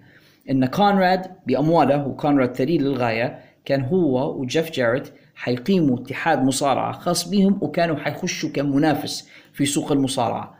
WWE قرر أن يتدخل في اللحظة الأخيرة يعني قاموا بانتزاعه من ال indies وقعوا معاه ضمنوه إنه هو معاهم وقد يكون في نظري أنا مدير مناسب ومنقذ مناسب لاتحاد WWE في حال إن فينس ماكمان ترك. أنا عارف أن هذا مرة ثانية تفكير خارج الصندوق الكثيرون يستبعدونه لكني بصراحة لا أعتقد بأن أي أحد من عائلة مكمان الآن ينفع أنه هو يدير هذه الشركة بعد المشاكل اللي صارت وأعتقد أن حتى مجلس الإدارة في تصورهم بأن وضع الشركة بين يدين ستيفاني هو وضعه من جديد في يد فينس وأن تريبل إتش حالته الصحية لا تسمح وانه هو أيضا ما عندهاش track record من النجاح أو ما عندهاش سجل من النجاح. ونيك كان رجل اقتصادي يفهم بس في ال business وفي التجارة ما يفهمش في إدارة العروض وفي الأمور اللي لها علاقة بالإبداع وبالكتابة. الناس التانيين اللي موجودين فريق الإبداع بين قوسين بتاع ال WWE آه، عقيم للغاية. فعلى سبيل المثال شخص زي بروس بريتشارد ما يعرفش يكتب إلا القصص التي ترضي فينس ماكمان. لا أعتقد إن بروس بريتشارد يعرف يكتب للجمهور العام. ولا أعتقد بأن بروس بريتشارد يجيد الكتابة للجمهور العام. ما أعتقدش إنه ينفع إن يكون مدير لهذه الشركة. وأكيد الشخصيات اللي زي جون لورينايتس وكيفن دن وغيرهم من جنرالات ماكمان أيضا they are out. كلهم حيطلعوا من الباب. آخر الاحتمالات التي قرأتها وسمعت عنها بعض ال memes كانت تتكلم على أن توني كان يشتري ال WWE نظريا الكلام هذا ممكن. عائلة كان يمتلكون أموال أكثر من عائلة مكمان بثلاث أضعاف يعني يقولون بأن القيمة الصرفة لثروة كان تصل إلى حوالي 7 مليار دولار. عائلة مكمان يمتلكون حوالي 2 مليار دولار. فإحنا نتكلم على أكثر من ثلاث أضعاف الفرق في الثروة. فعائلة كان تحديدا توني كان بإمكانه نظريا انه يشتري ال WWE في حال ما عرضت للبيع. ولكن هل نريد أن نشاهد توني كان مديرا لل WWE هو الآن اتحاد AEW ويسيء إدارته بشكل كبير ونرى الكثير من المشاكل في AEW بسبب سوء إدارة توني كان لاتحاده. هل نبغى أيضا ياخذ ال WWE و botch up زي ما هو botching up AEW هذا ما لا أعتقد أننا نريده. أعتقد بأن الحل الأفضل لمجلس إدارة ال WWE هو إقالة ماكمان والتوقيع مع مدير يستطيع أن هو ينقذ هذه الشركة وأنا شايف بأن الشخص المناسب لهذه المهمة هو جيف. جاريت ذكرنا آنفا كونراد تومسون اللي هو podcaster شهير وأيضا رجل أعمال أمريكي ثري وعنده يعني business بتاع real estate أو عقارات ويقوم بشراء العقارات والمنازل و... واشتهر كثيرا في الفترة الأخيرة بفضل البودكاست التي يقدمها. ما لا يعرفه الكثيرون بأن كونراد تومسون كذلك هو صهر ريك فلير حيث أنه متزوج من ابنته ميغان. كونراد تومسون الآن يقوم بتنظيم حدث عنوانه Ric Flair's Last Match يريد أن يقوم بتنظيم مباراة لصهره اللي هو والد زوجته الأسطورة ريك فلير عنوان هذه المباراة مباراة ريك فلير الأخيرة أو مباراة ريك فلير الاعتزالية. أعرف بأن إحنا شفنا المفروض مباراة ريك فلير الاعتزالية في راسلمانيا 24 عندما واجه شون مايكلز في مكان يفترض أن تكون مباراتها الأخيرة. ولكن للأسف هو ريك فلير. وعاد ريك فلير للمصارعة من جديد ورأيناه في TNA حيث خاض عدة مباريات. هناك كانت مباراته الأولى بعد اعتزاله المزعوم قدام جي ليثل. بعد قصة طريفة جدا جي ليثل كان يتفنن فيها في تقليد ريك فلير. وبعدين ريك فلير خاض مجموعة من المباريات في TNA وشفناه في مباراة مع هولك هوجن واعتقد بعدها بأن هذا سوف يكون اعتزاله وبعدين استمر ريك فلير في القيام بظهورات وأصبح الموضوع بمثابة نكتة. عاد ريك فلير إلى WW من جديد ظهر ك manager ظهر في عدد من القصص في عدد من ال storylines واعتزاله اللي كان المفروض مؤثر جدا ودراماتيكي في سنة 2008 فقد كل معنى له. بعدين صارت له مشاكل تكلمنا عليها في حلقات سابقة من البودكاست مع دبليو دبليو وقرر ترك دبليو دبليو. الآن ريك فلير يريد أن يخوض مباراته الأخيرة وهو في سن الثالثة والسبعين.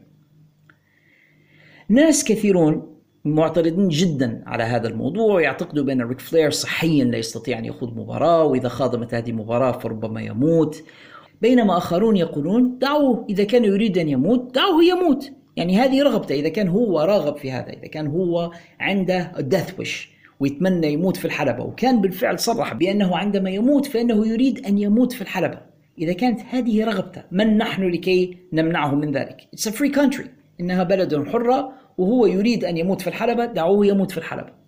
لكن فلير في عدة منشورات له على وسائل التواصل الاجتماعي يؤكد بأنه يستطيع خوض هذه المباراة بالفعل بأنه سوف يكون آمن بأن لا شيء سوف يحصل له وبأنه يستعد وبأنه في أحسن حالة لياقية والصحية له منذ سنوات وبأنه يتدرب وبالفعل يتدرب مع مصارع جي ليثل صديقه القديم من تلك الحكاية التي كنت قد حكيتها لكم آنفا من TNA جي ليثل الآن يقوم بتدريب ريك فلير وريك فلير يستعد لخوض مباراته الأخيرة.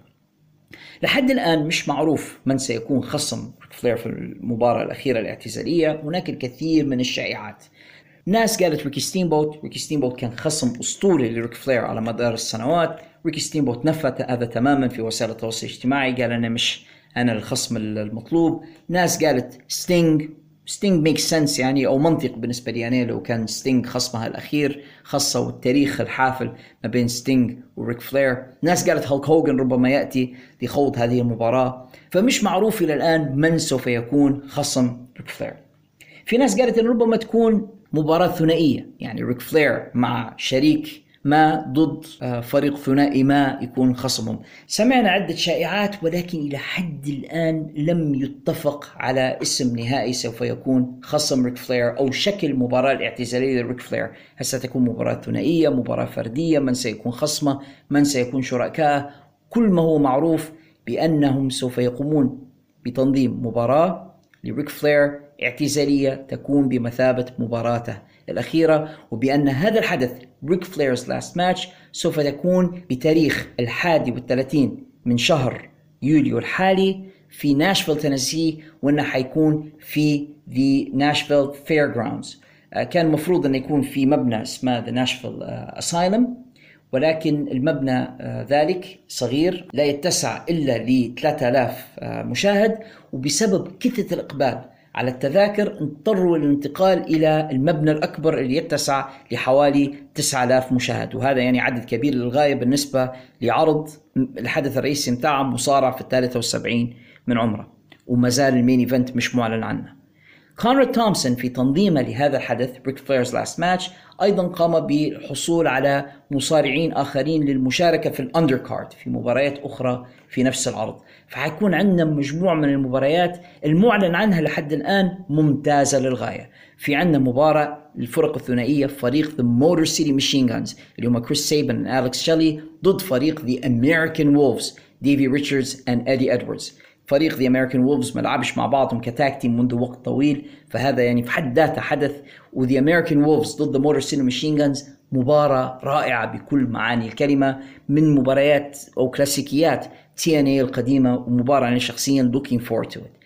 عندنا مباراة على بطولة نساء Impact Wrestling بطلة الاتحاد جوردن جريس حنتكلم عليها بعد شوية في هذه الحلقة ستدافع عن لقبها قدام ديانا بورازو البطلة السابقة في Impact Wrestling ضد ريتشل إلرينج ريتشل إلرينج اللي هي ابنة الأسطورة بول إلرينج اللي كان مدير أعمال فريق The Road Warriors أو The Legion of Doom.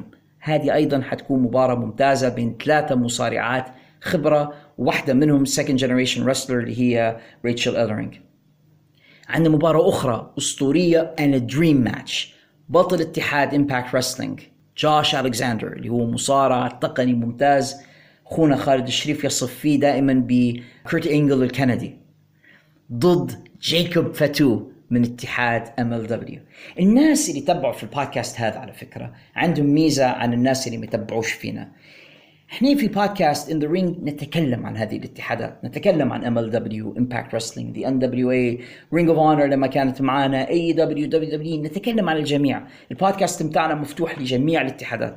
وبالتالي الناس اللي تتبع معنا في بودكاست في الحلبة ملمين بهذه الأسماء وما عندهم مش مشكلة مش متعب بالنسبة لهم عندما نتكلم عنهم. الجمهور اللي يسمعوا فقط في البودكاست الخاصة ب WWE لن يفهموا. هذه الأسماء لا يعرفونها وبالتالي من المهم جدا أنك تتابع بودكاست زي بودكاست في الحلبة لأننا نحن من سوف نقوم بإعطائك فكرة عن جميع هذه الأسماء وجميع هذه الأحداث التي لن تسمع عنها إلا هنا في الحلبة. نرجع إلى هذا الحدث اللي هو موضوع Ric Flair's Last Match واللي أنا شايفه مهم للغاية. لأن ريك فلير يعني قد يتفق البعض وقد يختلفون ولكن من أهم المصارعين في تاريخ لعبة مصارعة المحترفين. وهناك ناس يضعونه في ال argument أو في الجدل الدائر حول من هو المصارع الأعظم على مر العصور. البعض يعتقد بالفعل بأنه هو ريك فلير أنا شخصيا لا اراه كذلك ولكن ريك فلير كان موجودا في الكثير من المباريات المهمة كثير من القصص الأسطورية كان قائد لفريق The Four Horsemen بطل عالم 16 مرة. هذه المرات المعلن عنها يعني بين ان دبليو اي ودبليو سي دبليو وذا دبليو دبليو اي وقتها كان WWF عندما فاز بها هو. فهو بطل يعني متعدد المرات ومسيرته تغطي جزء كبير من تاريخ مصارعة المحترفين. معظم النجوم الكبار في تاريخ اللعبة واجهوا ريك فلير أو ريك فلير واجههم في مرحلة ما من المراحل يعني. ومن الصعب أنك تلقى اسم كبير في عالم المصارعة ما واجهش ريك فلير ريك فلير صحيح أنه هو في فترة من الفترات وقع في فخ الفورميلا أنه هو يقدم نفس ال format في كل مباراة من مبارياته ولكن عنده مباريات كانت استثناء للقاعدة وقدم في بعض الحالات مباريات فوق الممتازة يعني.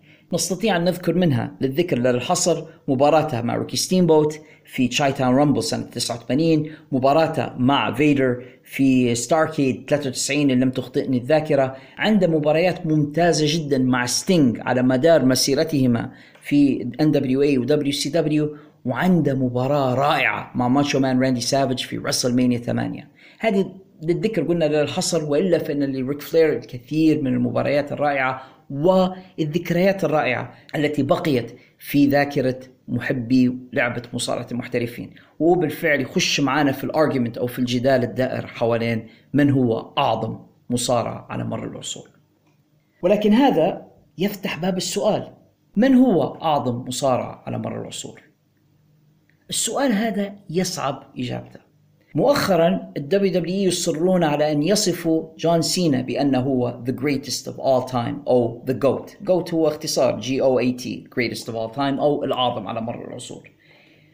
بالنسبة لجون سينا هناك الكثير من الأشياء التي تشفع له حمل مثل هذا اللقب. من ناحية جون سينا قضى مدة طويلة جدا on top على قمة الاتحاد. يعني من بدايات ال 2000 إلى 2020 على الأقل نستطيع أن نقول 20 سنة وجون سينا was a top guy. كان draw أو شخص يقوم ببيع الكثير من التذاكر ما أن تضع صورته أو اسمه على ال poster حتى يتوافد الناس لشراء التذاكر لمشاهدة مبارياته. استطاع أن يبيع أطنان من ال merchandise أو من البضائع والسلع التي تحمل اسمه وصورته. جون سينا طيلة المسيرة بتاعت ال 20 سنة اللي كان فيها on top في ال WWE. لم يكن معروفا بفضائح آه، لم يكن متعاطيا للمخدرات أو للمنشطات أو للمواد الكحولية. إنسان محترم إنسان خلوق إنسان مستقيم. جون سينا معروف بالأعمال الخيرية بالمساهمات في مشاريع Make-A-Wish حيث يقومون بزيارة الأطفال المرضى في المستشفيات ومنحهم أمنية أنهم يتقابلون أو يلتقون بنجومهم المفضلين. بالإضافة إلى ذلك كله عنده ال look عنده الكاريزما عنده المقدرة والأداء خاصة في المايك. في الحلبة جون سينا ربما لم يكن المصارع الأفضل. هناك الكثير من المصارعين اللي كانوا أفضل منه داخل الحلبة لكنه لم يكن سيئا بحال. وتطور جون سينا يعني في أواخر مسيرته تحسن كثيرا ويستطيع أي أحد متابع لمسيرة جون سينا أن يلحظ الفرق في أدائه ما بين جون سينا في البدايات وجون سينا مع نهايات المسيرة. أصبح مصارع أفضل بكثير. ما زال هناك مصارعون أكثر منا مهارة وقدرة على الأداء داخل الحلبة ولكن سينا لا, يست... لا نستطيع وصفه بأنه كان المصارع السيء. بالعكس جون سينا كان يستطيع أن يؤدي بشكل مقنع داخل الحلبة.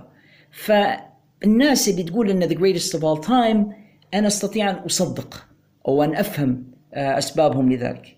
طبعا إذا أنت بديت تشاهد في المصارعة في نفس تلك الفترة في الألفينات من سنة 2000 إلى وقتنا هذا ربما يكون جون سينا بالفعل هو أكبر نجم أنت شفته.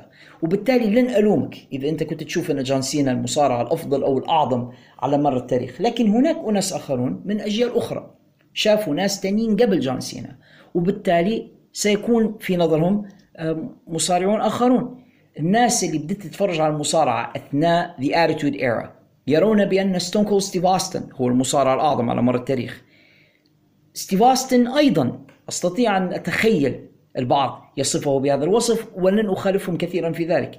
المشكلة الوحيدة مع ستيف أوستن أن المدة التي قضاها أون توب على قمة الاتحاد اللي هو كان فيه لم تكن مدة طويلة للغاية. رغم أنها كانت مدة جيدة لكن الإصابات التي تعرض عليها ستيف أوستن حدت من المسيرة متاعته و cut short زي ما يقولوا بالإنجليزي. لو استمر اوستن خمس سنوات أخرى أعتقد إنها كان بالفعل حيكون the greatest of all time أو يكون هو the GOAT ولكن مسيرته on top أعتقد إنها كانت قصيرة نسبيا وبالتالي ربما هذا قد يؤثر على وضعه ك the greatest of all time في ناس تشوف نجم آخر هو the greatest of all time هو هولك هوجن وهولك هوجن كان مصارعا عظيما بالفعل وقضى مدة طويلة على القمة وباع الكثير من التذاكر وباع الكثير من ال merchandise وظهر في أفلام وظهر في مسلسلات.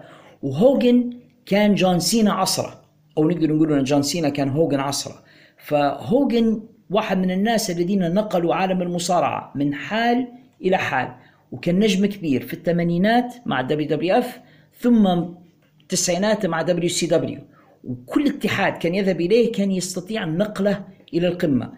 هولك هوجن وإن لم يكن مصارعا رائعا داخل الحلبة والإصابات كذلك أثرت كثيرا على أدائه داخل الحلبة ولكن كان يمتلك الكاريزما يمتلك الشكل يمتلك المقدرة على الأداء على المايك كان نجم طبيعي. رغم أنه كان يعني كما يقول عنه بعض الناس ربما كان شخصا سيئا خارج الحلبة وكان أو على الأقل نستطيع أن نقول بأنه عرقل مسيرة بعض المنافسين وأنه كان أناني للغاية وكان يراغب أن يبقى هو فقط على القمة ولا يريد أحد أن ينافسه ولكن مكانته في تاريخ المصارعة ينبغي أن تكون محفوظة يعني رغم عدم إعجابي الشخصي به كبروفيشنال رسلر ولكن هولك هوجن أيضا واحد من الأسماء التي يمكن وضعها على جبل العظماء الأربعة والقول بأنه one of the greats of all time وقد يكون the greatest of all time في نظر البعض.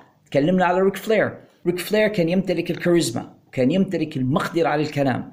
وريك فلير استطاع أن يسرق الكثير من ال gimmicks والكثير من العادات والحركات من مصارعين آخرين وأضافها إلى ال character أو الشخصية التي كان يقدمها. فمثلا الرقصة التي يؤديها داخل الحلبة واخدها من نجم اسمه جاكي فارغو ولكن أغلب جمهور المصارعة ما يعرفوش من هو جاكي فارغو يعرفوا ريك فلير يشوفوا في الرقصة فيقولوا the Flair strut هي في الواقع the Fargo strut أو رقصة جاكي فارغو ولكن تمكن فلير انه يضيفها إلى نفسه. ال woo التي يقولها واخذها من أغنية شهيرة. أضافها أيضا إلى الشخصية متاعته. الروب الذي يرتديه والطريقة في الدخول وغيرها واخذها من واحد اسمه بادي روجرز. بالإضافة إلى ذلك أخذ من بادي روجرز الاسم Nature Boy لأن بادي روجرز أحد أساطير الخمسينات كان يسمي نفسه Nature Boy بادي روجرز.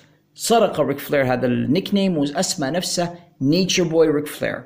وأخذ أيضا من بادي روجرز the figure 4 أو الحركة متاعته حركة الإخضاع التي يقوم بها عندما يقوم بوضع ساقي خصمه في شكل رقم أربعة the figure 4 leg lock هذه أيضا أخذها من بادي روجرز فريك فلير أجاد أخذ جميع هذه المحتويات وصنع لنفسه شخصية هي the Nature Boy ريك فلير لم يكن أبرع مصارع داخل الحلبة ولكنه كان يحسن جميع الأشياء التي يقوم بها. يعني مش أحسن مصارع لكن الحاجات اللي يدير فيها يدير فيها صح. أعتقد إن أقوى حاجة عنده كانت البرومو والشكل متاعه ومقدرته على الكلام اللي كانت تقنع الناس بان the greatest of all time كان يقولها ويرددها كثيرا إلى درجة إن كثيرين أصبحوا يصدقون بأن ريك فلير بالفعل هو أعظم مصارع في التاريخ. هل هو كذلك أم لا؟ لا أدري ولكن هناك كثيرون يضعون ريك فلير على جبل العظماء الأربعة الخاص بهم. البعض يقول ذا روك أنا شخصيا لا أختلف كثيرا معهم ولكن روك عنده نفس مشكلة ستيف أوستن. روك لم يستمر طويلا في الحلبات. روك انضم إلى ال WWE دبليو دبليو اف وقتها في سنة 96 استمر معهم إلى حوالي سنة 2002 قبل أن يعني بالتدريج بدأ يغادر الاتحاد و قليلا قليلا رويدا رويدا بدأ يتسرب إلى هوليوود وعالم السينما وترك الدبليو دبليو إي ولم يبقى معهم. ولكن روك دوين جونسون كان يمتلك جميع مقومات النجم الكبير. الشكل الضخامة الحجم المقدرة على الكلام أداء داخل الحلبة رائع.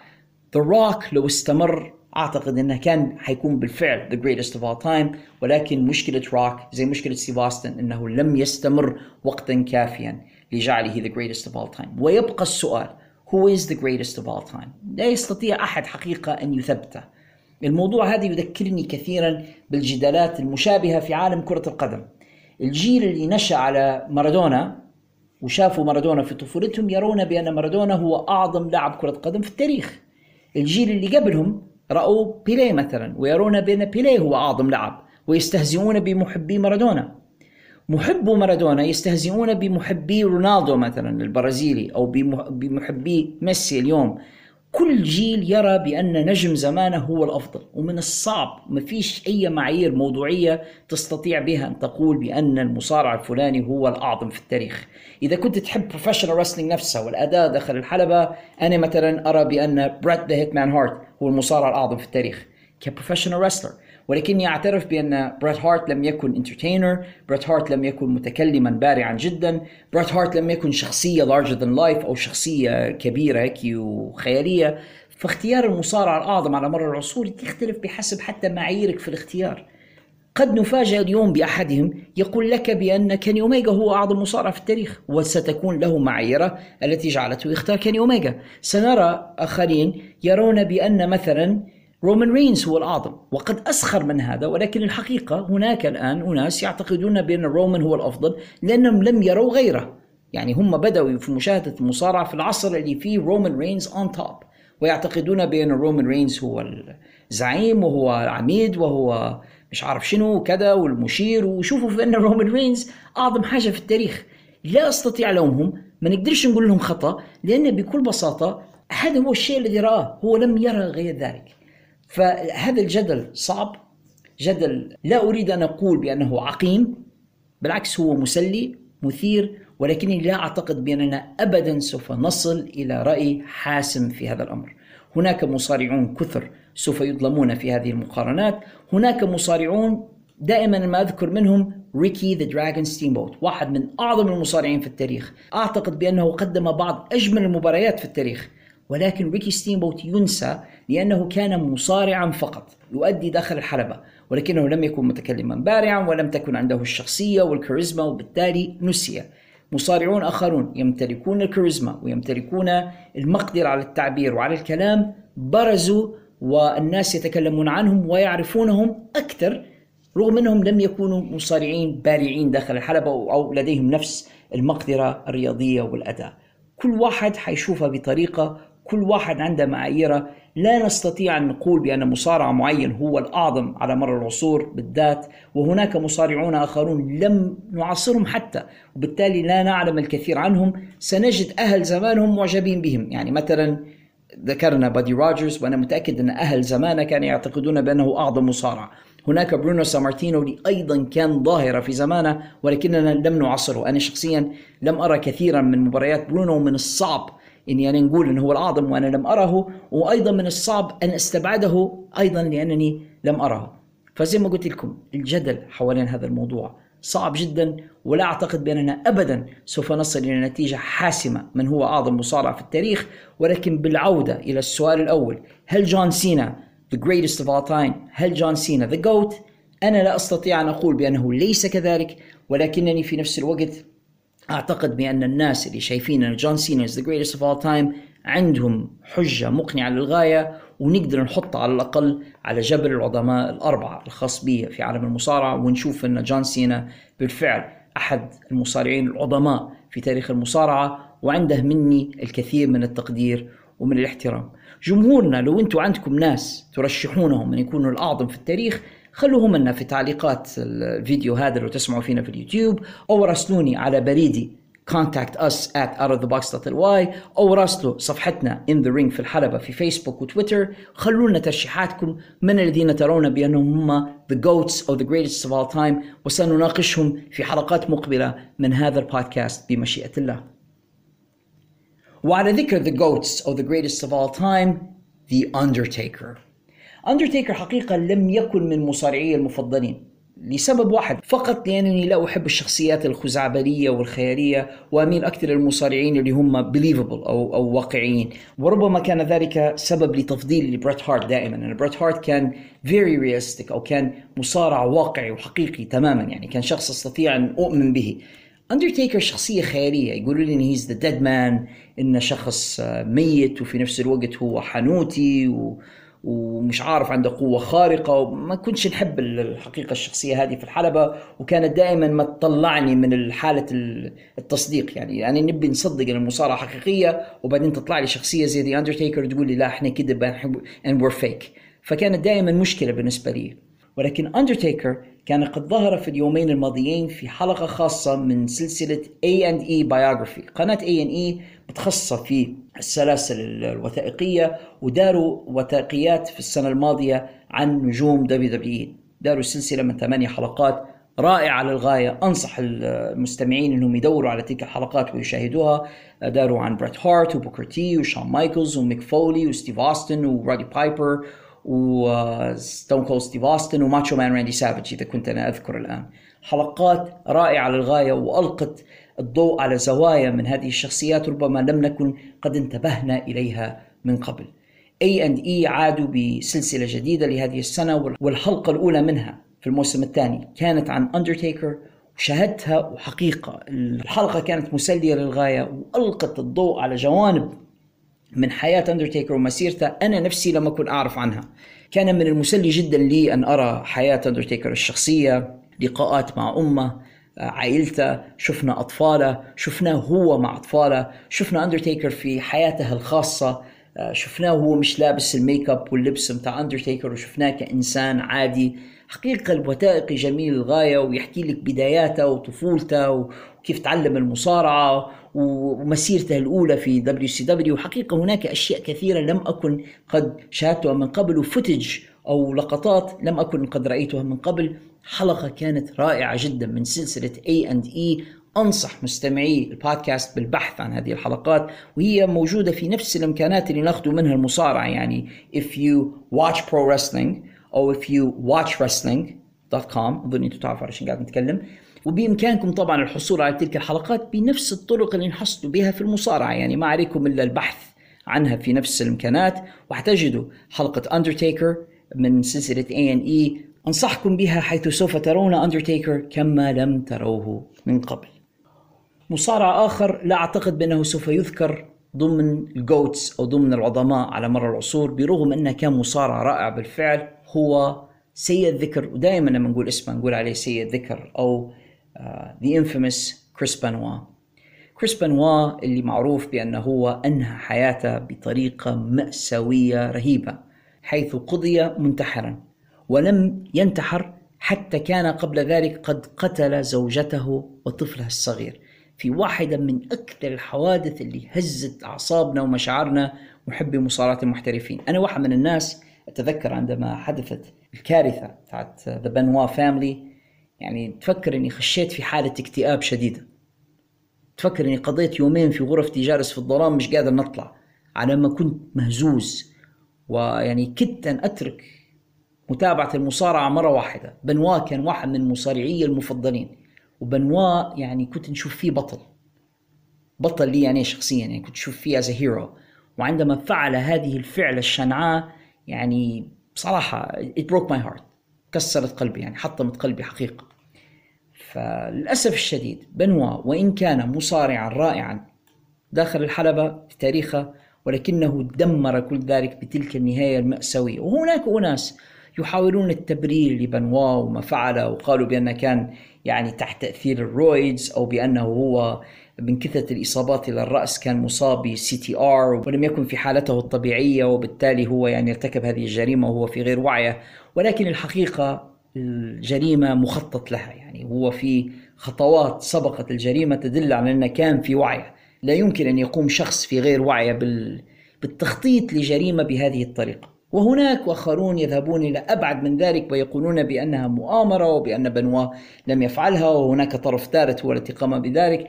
ولكن جميع الشواهد وتقارير البوليس والتحريات تؤكد بأن بنوا هو الجاني وأن الموضوع يعني منتهي خلاص. لأن كريس بنوا قام بأحدى أبشع الجرائم في تاريخ المصارعة بل واحدة من أبشع الجرائم التي بإمكان إنسان أن يقوم بها قتل ابنه وقتل زوجته ثم انتحر. لماذا نتكلم عن هذا الموضوع الآن؟ لأن المصارعة جوردن جريس اللي هي بطلة اتحاد Impact Wrestling قررت الحديث عن هذا الموضوع عبر حسابها على تويتر حيث غردت جوردن جريس عبر حسابها على تويتر ردا على سؤال وردها من أحد متابعيها بأنه لو كان كريس بنوا حيا وموجودا بيننا اليوم بأنه لا يستطيع أن يبرز بين نجوم هذا العصر وذهبت أبعد من ذلك وقالت بأنه كان سوف ينسى مبارياته وكيف ينبغي عليه أن يؤدي فيها وبأنها تتمنى أن يحترق في الجحيم. هذه التغريدة من جوردن جريس أثارت استياء الكثير من محبي صدقوا أو لا كريس بانوا على وسائل التواصل وتعرضت جوردن جريس إلى الكثير من الاعتداءات على وسائل التواصل والشتائم وناس بدت تهاجم فيها هي شخصيا ومش بس يعني يهاجموا في رأيها ولكن يهاجموا في شخصها وفي شكلها ويصفونها بنعوت قبيحة وغيرها وأهم شيء كانوا يقولوا بأن كريس بنوا أعظم وأكبر وأحسن من جميع المصارعين الموجودين اليوم وبأن لو كان موجود بأن بمقدورة التغلب عليهم جميعا وإلى آخره. هذه التغريدة حقيقة عندما قرأتها وقرأت الردود عليها أثارت عندي الكثير من من الأفكار التي أحببت مناقشتها معكم هنا. هل الجريمة التي ارتكبها كريس بنوا تمنعنا من أن نقول بأنه كان مصارعا عظيما داخل الحلبة أم أن إقرارنا لكريس بنوا ببراعته داخل الحلبة موضوع غير أخلاقي لأن الجريمة التي ارتكبها من البشاعة بمكان بحيث لا نستطيع أن نقول عنه شيئا جيدا الموضوع هذا صعب في الواقع مش سهل مش سهل على الإطلاق. داخل الحلبة كريس بانوا كان أحد أفضل المصارعين الذين رأيتهم في حياتي. لا أستطيع أن أنكر هذا. مبارياته كانت realistic بشكل غير عادي أو حقيقية واقعية بشكل غير عادي. عندما تشاهد كريس بانوا وهو يصارع تصدق بأن هذه المباريات حقيقية. مستوى أدائه لياقته سرعته قوته البدنية الشراسة التي كان يتسم بها لا تراها من كثيرين في الحلبة. ما شفتش حد يبزه أو قريب من مستواه إلا قلة قليلة جدا معدودين على أصابع اليد الواحدة. لكن الجريمة التي تكلمنا عليها آنفا بشعة جدا وتخلي من الصعب أن نمجد شخصية زي كريس بانوا. وكريس بانوا بالجريمة التي ارتكبها يضعنا في موقف مشابه لموقف البعض من مثلا مغني زي مايكل جاكسون. مايكل جاكسون يقر له الكثيرون بأنه كان فنانا كبيرا كان مغنيا يمتلك صوت مقدر على الرقص مقدر على الأداء entertainer لكن مايكل جاكسون أيضا تحوم حواليه الكثير من الشبهات وعلامات الاستفهام حول كونه متحرش بالأطفال وبأنه خرج من كثير من مثل تلك القضايا بسبب دفع أموال كبيرة لأسر الأطفال الذين تحرش بهم مقابل أن يسكتوا. وما زالت في علامات استفهام كبيرة على مسيرة مايكل جاكسون. أنا شخصيا لا أستطيع أن أستمع إلى أغنية يغنيها مايكل جاكسون أو أن أرى فيديو قديم له دون أن أفكر في تلك الجرائم التي اتهم بها والتي أصدقها حقيقة. أنا شخصيا مصدق بأنه فعل تلك الأشياء ورأيت ذلك الوثائقي الذي أعد عنها اللي دارتها أوبرا وينفري واللي خلاني حقيقة يعني غيرت نظرتي في هذه الشخصية اللي من الأصل أنا ما كنتش محب له ولكن بعد تلك المزاعم يعني شطبت على مايكل جاكسون تماما. كريس بنوا وضع نفسه في نفس الخانة خانة مايكل جاكسون. الفنان الكبير اللي في نفس الوقت مرفوض من الجمهور بسبب سلوكه خارج المسرح أو خارج الحلبة أو خارج الملعب. مارادونا تكلمنا عليه من شوية. مارادونا كان لاعب كرة عظيم ولكنه خارج الحلبات كان إنسانا سيئا للغاية مدمن مخدرات وعنده مواقف غريبة بعض الشيء. أنا أذكر بأنه كان صديقا لبعض الطغاة في العالم وبعض الدكتاتوريين في العالم وهذا كان يخليني ناخذ موقف من مارادونا كإنسان رغم إعجابي به كلاعب كرة قدم. ولو بحثنا سنجد الكثير من مثل هذه الشخصيات التي للأسف سلوكها خارج من مضمار الاحترافي متاعها يؤثر على رأينا فيها كمحترفين.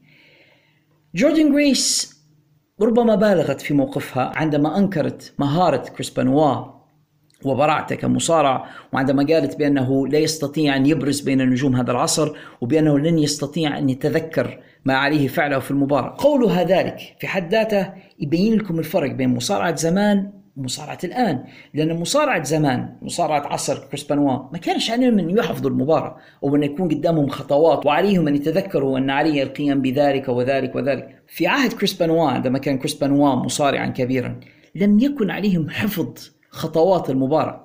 فقط كان عليه أن يدخل الحلبة ويفعل ما يشعر بأنه الصواب ويستمع إلى الجمهور ويؤدي. حالات نادرة كانوا المصارعين اللي يحفظوا يعني لما تكلموا على ماتشو مان راندي سافج دي دي بي مصارعون قلائل هم الذين كانوا يكتبون المباراة قبلها ويحفظونها. ولكن في عصر كريس بانوا كان المصارعون يعتمدون على المقدرة وعلى الأداء الارتجالي. مصارعون اليوم هم الذين يحفظون ولديهم يعني مباريات مكتوبة لهم. فمجرد قولها بأن كريس بانوا لن يستطيع أن يتذكر مبارياته دليل على أن هناك فرق بين الأجيال. أنا أتفهم موقف جوردن جريس وبأنها هي زعلانة من الجريمة التي ارتكبها كريس بانوا. الأمر الذي يجعلها لا تستطيع أن ترى فيه أي ميزة أو أي منقبة أو أي شيء حسن وجميل. أنا أتفهم هذا تماما وأنا متعاطف معها تماما ولكني أرى بأن كراهيتها لجريمة كريس بانوا جرتها إلى أنها هي نحت منه كل شيء حتى مكانته وبراعته كمصارع كبير. في الحلبات. وهي نفسها بعد الانتقادات الكثيرة التي تلقتها على وسائل التواصل اعتذرت لبعض الناس آه، اللي هم أصدقاء كريس بانوا والذين كانوا قد ردوا على تغريدتها حيث اعتذرت لتشافو غريرو واعتذرت لكريس جيريكو وقالت لهم بأنها لم تكن تقصد وبأن حزنها على ما حصل لعائلة بنوا هو ما أثر عليها. ولكن ما حدث قد حدث. ما قيل قد قيل. من الصعب أن هي ما زالت تسحب قولها. مرة أخرى أنا متعاطف مع جزء مما تقوله ولكني أعتقد بأنها أخطأت عندما قالت بأن كريس بانوا ليس مصارعا عظيما. يبقى مصارعا كبيرا. أنا شخصيا لا أستطيع أن أغتفر له ما فعله ولا أستطيع أن أشاهد مبارياته يعني بعد ما عرفت عليه ولكن لا أستطيع أن أنفي بأنه كان أحد أعظم المصارعين في التاريخ. صديق كريس بنوا اللي تكلمنا عليه آنفا كريس جيريكو غاضب من الجمهور هذه الأيام حيث ظهر في أحد البودكاست التي تم استضافته فيها ذا جوردي بودكاست وتكلم عن جمهور المصارعة غير المحترم الذي يهاجم المصارعين وينتقدهم عندما يقومون بأخطاء في الحلبة أو botches. ويقول جيريكو بأنه ليس من حق الجمهور انهم هم ينتقدوا المصارعين عندما يخطئون. وليس من حق الجمهور اللي جالس في في المدرجات أن يقول للمصارع أنك أنت أخطأت. في كلمة يقول فيها الجمهور you fucked up عندما يخطئون في الحلبة ويقول بأن من أكثر الأشياء التي تثير حنقه وجنونه لما الجمهور يكتبوا حتى في وسائل التواصل الاجتماعي أو يهاجمون مصارعا ويقولون له أنت أنت أخطأت أنت ارتكبت باتش أنت كذا وأن ليس من حقكم. إنكم أنتم تتكلموا إحنا محترفون وإحنا نعرفوا روحنا شن قاعدين نديروا وإحنا نحن بشر ونخطئ وأنتم عليكم إنكم تقدروا اللي نديروا فيه إنه هو خطر ولايف وأنتم ما تقدروش تديروه. فيعني جيريكو قاعد يقول للجمهور اسكتوا وتفرجوا وكونوا شاكرين لما نقوم به نحن. كلام جيريكو أيضا صح وغلط. صح وغلط. نعم المصارعون بشر والمصارعون يخطئون وبالفعل المهنة التي يقومون بها خطرة. ونعم يقومون بها live وأمام الجمهور يعني المباشر ومجال الخطأ وارد. هذا كله صحيح. وأنا أعتقد بأنه من قلة الأدب أن يقوم بعض الجمهور بمهاجمة المصارعين على ال social media وشتمهم ويعني في زي مثلا شوتزي بلاك هارت بعد مباراتها في Money in the Bank اللي فات تعرضت للكثير من التنمر على وسائل التواصل الاجتماعي وهناك أناس يعني اتصلوا بها وقالوا لها نتمنى أن تطرد من ال WWE وهناك يعني هجوم لاذع وشرس على شخصها لأنها ارتكبت غلطة داخل الحلبة، أنا أعتقد بأن هذا خطأ وأن الجمهور الذي يفعل هذا جمهور ضحل، جمهور ما عندهش حياة، ناس ما عندهمش حياة وما عندهمش حياء الزوز يعني. لما يتحشموش وفي نفس الوقت شخص من غير حياة اجتماعية وغيرها شخص فاضي يبحث عن حسابات المصارعين على وسائل التواصل لكي يقوم بشتم أو يتمنى لهم الموت أو الأذية. أعتقد إن هذا خطأ وعيب وما يصحش ومفروض ما يصدرش عن أي شخص محترم وعاقل. ولكن في نفس الوقت أعتقد بأن من حق الجمهور إنه يعطي رأيه فيما يشاهد. وان نعم عندما ترتكب اخطاء يا كريس جيريكو عندما تتخنزر داخل الحلبة عندما تقدم لنا مباريات سيئة عندما يعني لا تقوم بعملك بالشكل الصحيح فمن من حقي أنا المشاهد خاصة إذا كنت دافع تذكرة أو دافع حق pay-per-view وأعطيتك من وقتي وتفرجت على عرض أنت فيه من حقي أنا أقول لك بأن أداءك كان سيء. يعني مش مطلوب مني لو أنا استمع لحفل غنائي والمغني سيء وينشز أن أصفق له وأنا أقول لا والله هو لأنه يغني فمن لازم أن أقدر جهده. أو لو أنا أشاهد فيلما والممثلون في الفيلم سيئون يعني مش لازم اني نصفق للفيلم ويا سلام شكرا لكم لأنكم درتوا فيلم طيب فيكم. لا إذا كان أدائك في الفيلم سيء فأنا سأقول لك انه سيء ولن أشاهد المزيد من أفلامك.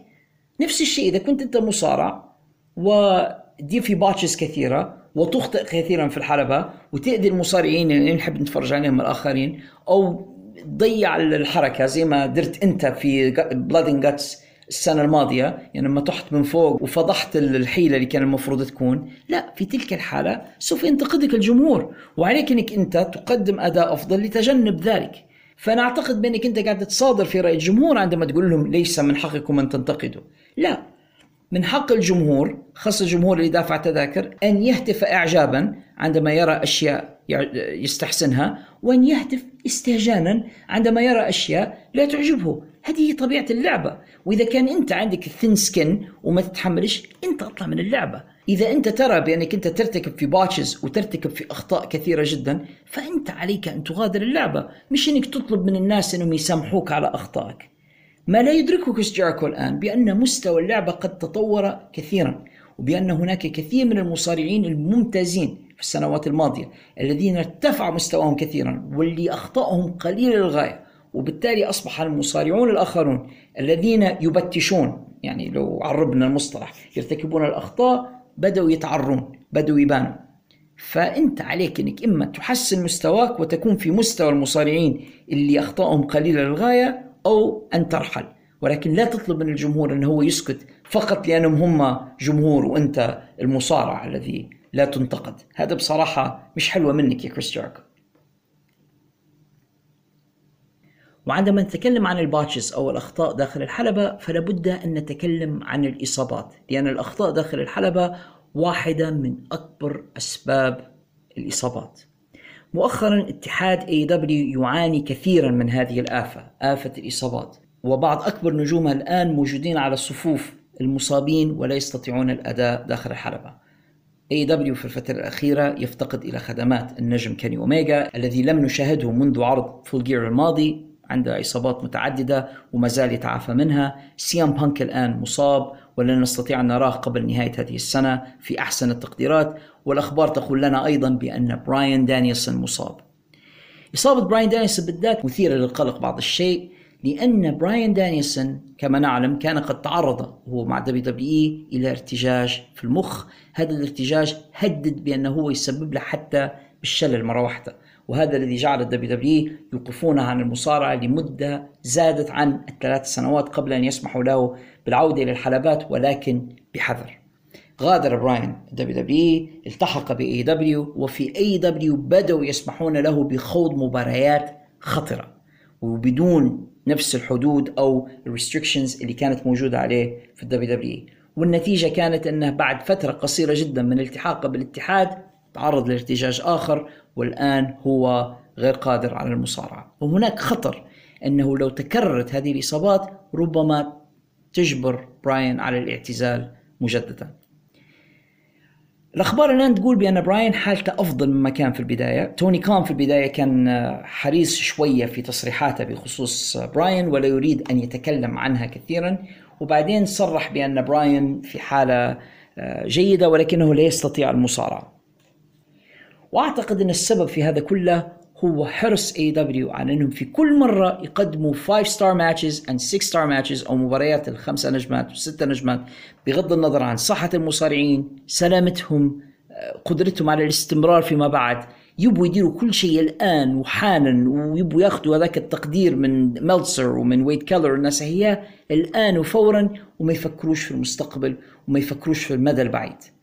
واحدة من الحاجات الكويسة اللي عند WWE إنهم هم على العكس يفكرون في هذه الناحية ويفكروا كيف أن المصارع متاعهم يستخدموه لأطول فترة ممكنة.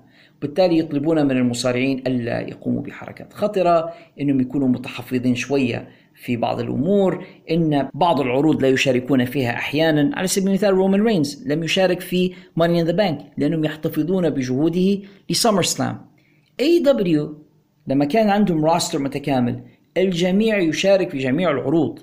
والجميع يحاول أن يقدم ال six star match مش ال five star match والجميع يعطي كل ما عنده. على طول all in full gear كل شيء. ولا يحتفظ بأي شيء للمستقبل. هناك فرق بين أن تخوض سباق مسافات قصيرة وتركض بأقصى سرعتك وبين أن تخوض سباق المسافات الطويلة التي تركض فيها ببطء تحتفظ بقوتك. ماشي بشوية بشوية عليك ب rhythm منتظم بطيء نوعا ما. ثم تطلق ساقيك للريح في الأمتار الأخيرة. ما يفعله AEW في رأيي يعني هو تهور سوء إدارة عدم تقدير بالنسبة لمقدرات المصارعين والنتيجة نراها الآن في إصابات كيني أوميجا براين دانيسون CM Punk آدم كول اللي هو تعرض لارتجاج حسب الأخبار اللي لدينا وآدم كول بالذات. مشكلته مشكلة إنه هو جسديا حجمه صغير ولسبب ما آدم كول يرفض إنه هو يكبر من حجمه. يعني آدم كول المفروض إنه يـ hits the gym يرفع أثقال يحاول يقوي بدنه لكي على الأقل يخفف من الإصابات التي يتعرض لها. لأن لما مصارع نحيل وصغير الحجم داخل الحلبة مع عمالقة وياخذ منهم ضربات حتأثر عليه حتسبب له إصابات. آدم كول لسبب ما رافض ومصر أنه يحتفظ بجسمه بشكله الحالي وهذا ما سيعرضه دائما للإصابات. هذا أمر لا جدال فيه. لكن الباقيين بصراحة أنا شايفة غباء وسوء إدارة من الاتحاد. على الاتحاد إنه هو ينظر في سياسته. آخر حاجة مباراتهم اللي كانت Blood and Guts اللي فاتت. سانتانا تعرض لإصابة وإصابة خطيرة في الركبة. وأعتقد بأن التمزق هذا الإصابة في ال ACL سوف يقعده عن الحلبات ما لا يقل عن تسعة شهور. هذا إن كان محظوظا. وهذه أخبار مؤسفة ربما لم يسمعها بعض جمهورنا ولكن للأسف الشديد سانتانا أيضا. تعرض لإصابة وأعتقد أننا سوف نحرم من جهوده لبعض الوقت. اي دبليو تقريبا في كل عرض يقيمونه لازم أن يطلع حد منها بإصابات أو باضرار جسديه وأعتقد أن عليهم إعادة النظر في الكثير من سياساتهم إذا كانوا يريدون الاستمرار كاتحاد مصارعه ومن حسن حظهم إن اتحادهم آه، عميق وفي الكثير من النجوم الذين يستطيعون الاستبدال بهم لأنهم لو استمروا بنفس هذا النمط. زمان عندما كان الاتحاد في خمسة أو ستة مصارعين بس كبار أعتقد أن اتحادهم كان انتهى منذ ذلك الوقت. عليهم إعادة النظر و pace themselves أو أنهم يلقوا طريقة كيف أنهم هم يوزعوا جهود مصارعينهم على العروض لأنهم يستمروا بهذه الطريقة سوف ينتهي الجميع في المستشفى أو في القبر. WW الآن يعد لعرض SummerSlam المقبل. وفي ال main event أو في الحدث الرئيسي مرة أخرى مش عارف أنا المرة الخامسة السادسة المية حنشوفوا رومان رينز ضد براك ليزنر المضحك إنهم أعلنوا هذه المباراة بقولهم for the last time. وكأنه يقولون لنا لاخر مرة. عارف زي لما الواحد بيدير معك حاجة مش كويسة يقول ماشي ماشي آخر مرة آخر مرة بس آخر مرة بس. يعني تصدقوا تسويق هذه المباراة بجملة لآخر مرة. وكأن يعني هذه الحاجة الكويسة اللي تشفع لإقامة مباراة أخرى ما بين رومان رينز وبراك ليزنر. ما ننسوش إن في WrestleMania الماضية عندما قاموا مباراة براك ليزنر ورومان رينز قالوا لنا بأن هذه سوف تكون أكبر مباراة في تاريخ مصارعة المحترفين. وأعظم مباراة في تاريخ مصارعة المحترفين. وال build up بأن هذه ستكون المباراة اللي ما فيش قبلها ولا بعدها. ثم كانت مباراة سيئة للغاية. قصيرة شفناش فيها الكثير من الحركات ولم تكن satisfying أو لم تكن مرضية بحال. المشكلة أعتقد مش في براك ورومان. أعتقد بأن كل من المصارعين جيد على الأقل. براك مصارع ممتاز. ورومان ليس سرا بأني مش معجب به كمصارع ولكن رومان يستطيع أن يؤدي داخل الحلبة إذا كان الخصم الذي أمامه جيد. فما بالك بواحد زي براك أكثر من جيد. ولكن تكرار هذه المباراة. رأيناها مرارا وتكرارا في عدة WrestleManias وفي عدة أحداث خارج WrestleMania وشفناهم في السعودية وشفناهم في حلقات من SmackDown ومن Raw خلاص الموضوع أصبح مملا للغاية. فأي حاجة حيديروها حتكون مخيبة للأمل. أنا مش عارف هل هناك شيء في هذه المباراة في SummerSlam يخليني بالفعل بنشوفها مرة أخرى؟ يعني شفناها مرارا وتكرارا. مهما غيروا القصة مهما داروا من tag lines مهما كتبوا لنا عليها last man standing مش عارف شنو lumberjack match أي شيء تديروه. أنا شخصيا لا أستطيع أن أتخيلها كمباراة أريد مشاهدتها. وأعتقد بأن السبب في ذلك ونرجع للي بدينا به الحلقة هو فينس مكمان وعقليته العقيمة. قاعد يدور في نفس ال loop مش قادر يطلع منه. رومان براك هم الاثنين اللي عنده اللي يشوف فيهم النجوم الذين سوف يقيم عليهم الاتحاد. يعني لا يستطيع أن يفكر بأن ممكن نديروا main event نجوم آخرون. ربما نستطيع أن نحطوا AJ Styles مثلا وفين بالر نديروا مثلا ايلاي دريك بدل ما أنت تسميه ماكس دوبري شنو وحطه مثلا مع درو ماكنتاير يعني هناك الكثير من التباديل والتوافيق التي يستطيع القيام بها داخل اتحاده براك ليزنر ضد بابي لاشلي هناك الكثير من الاحتمالات التي ممكن أن يجعل منها مباريات جميلة ومسلية ولكن هو دائما ما يلف ويدور ويعود إلى رومان براك رومان براك ولكي يتبل المباراة قليلا ويجعلها يعني جذابة يضع معهم بول هيمن وبول هيمن يقوم بالتسويق للمباراة بطرقه هو وطريقته في الكلام. ولكن في النهاية هي نفس القصة التي رأيناها مرارا وتكرارا وأعتقد بأننا سوف نستمر في رؤية براك ورومان حتى يصبحا عجوزين وسنرى المباراة تتكرر من جديد مرة بعد مرة ومش مصدق أنا بأن هذه ستكون آخر مرة لأن كذبوا علينا من قبل. WrestleMania اللي فات قالوا لنا حتكون أعظم مباراة في التاريخ وكانت مباراة سيئة فلا أصدق بأن آخر مرة أعتقد بأنهم سيفعلونها مرة بعد مرة بعد مرة. وعلى ذكر مرة بعد مرة بعد مرة ميك فولي اللي وقع مع ال WWE مرة أخرى. أنا مش عارف علاش وقع معاهم. يعني ميك فولي قضى وقت طويل وهو ينتقد اتحاد WWE ويبدو في وسائل التواصل كما لو أنه هو يعني المعارض لقرارات فينس ماكمان ومعارض لسياسات الاتحاد المجحفة في حق المصارعين والمصارعات. وكنت أنا واحد من الناس أرشح ميك فولي لأن يقوم بالشيء الصواب أن يغادر ال WW ويذهب إلى مكان آخر يفيدهم بخبراته وبعقليته وبإمكانياته كعقلية في عالم المصارعة.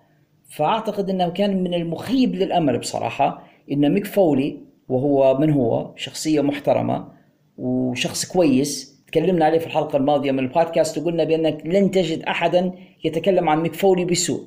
كان من المخيب جدا لي أن ميك فولي يجدد مع هذه الشركة من جديد ال legends contract أو عقد أساطير. شبيه بالعقد الذي وقعه أيضا للأسف بريت هارت وبموجب هذا العقد لن يسمح لميك فولي بالظهور في أي اتحاد عنده عقد تلفزيوني. يعني ميك فولي لن يظهر على التلفاز لحساب أي شركة مصارعة أخرى. ولن نراه في video games أو في أي لقاءات أو وثائقيات خارج تلك التي يقوم ال WW بإنتاجها وبالتالي آه، أعتقد بأننا نستطيع أن نستبعد تماما احتمال ظهور ميك فولي في اتحاد AEW أو في أي اتحاد آخر. أنا خايب الأمل جدا فيك يا ميك فولي ولكن على الطرف النقيض من لم يخيب أملنا من قبل ولا أعتقد بأنهم أبدا سيخيبون أملنا هم اتحاد Ring of Honor حتى بعد انحلال الاتحاد في السنة الماضية وظننا بأن Ring of Honor لن يعود عاد اتحاد Ring of Honor تحت ملكية توني كان وقاموا في شهر أربعة اللي فات عرض Supercard of Honor وأعتقد إنه كان عرض ممتاز. أعدكم بإذن الله بأنني أنا والظاهرة خالد الشريف سوف نقدم حلقة خاصة آه، لمراجعة أحداث Supercard of Honor وبإذن الله ستكون مرضية لكم. والآن Ring of Honor يعدون لعرض جديد هو عرض Death Before Dishonor الذي سوف يقدمونه في الثالث والعشرين من الشهر الجاري عرض Death Before Dishonor سيكون في حدثه الرئيس مباراة رائعة إعادة لمباراة فرق الثنائية التي أقيمت في Supercard of Honor ما بين فريق FTR اللي في رايي من أعظم الفرق الثنائية في التاريخ ضد فريق The Briscoe Brothers اللي هم من الفرق الثنائية المفضلة لي. المباراة هذه بروحها يعني بس Briscoe Brothers ضد FTR تكفي إنها تبيع لي العرض، لكن لما نضيف إليها مباراة ما بين سمو جو وجاي ليثل عندما نشوفه بأن عندنا مباراة أخرى ما بين دانيال غارسيا وما بين ويلر يوتا لما نشوف أن عندنا مباراة نسائية ما بين مرسيدس مارتينيز and سيرينا ديب يعني لحد الآن المباريات المعلن عنها لعرض Death Before Dishonor مباريات رائعة جدا. ويبدو بأن ال Ring of Honor يعدون لحدث كبير وما زال هذه يعني بس المباريات المعلن عنها. سوف نرى جوناثان جريشم سوف نرى آه، نجوم آخرين من Ring of Honor في العرض. أنا متحمس كثيرا لعرض Death Before Dishonor القادم يوم الثالث والعشرين من يوليو الجاري. وبصراحة أنا متحمس له أكثر من سمر سلام بكثير. يعني العرض الذي لا يخيب الأمال أبدا هو Ring of Honor. طولنا في هذه الفقرة أعزائنا المستمعين خلنا ناخذ فاصل آخر وعندما نعود ستكون معنا فقرة وقت الحكاية. ترى ما هي الحكاية التي سوف أقصها عليكم في هذه الحلقة. انتظروني بعد الفاصل لتعرفوا الجواب.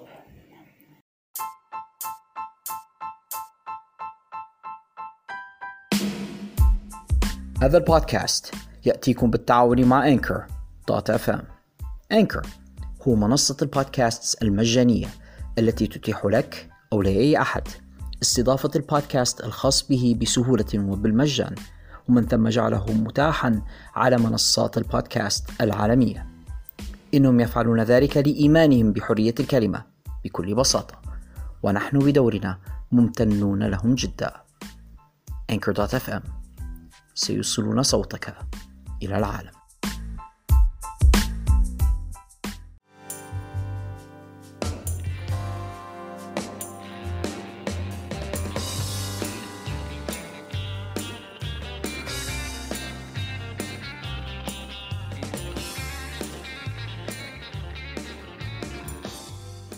ورجعنا لكم أعزائنا المستمعين وحلقة هذا الأسبوع من بودكاست في الحلبة In the Ring Where It Matters ومعنا فقرة وقت الحكاية Can I tell you guys a story? Can I tell you a story?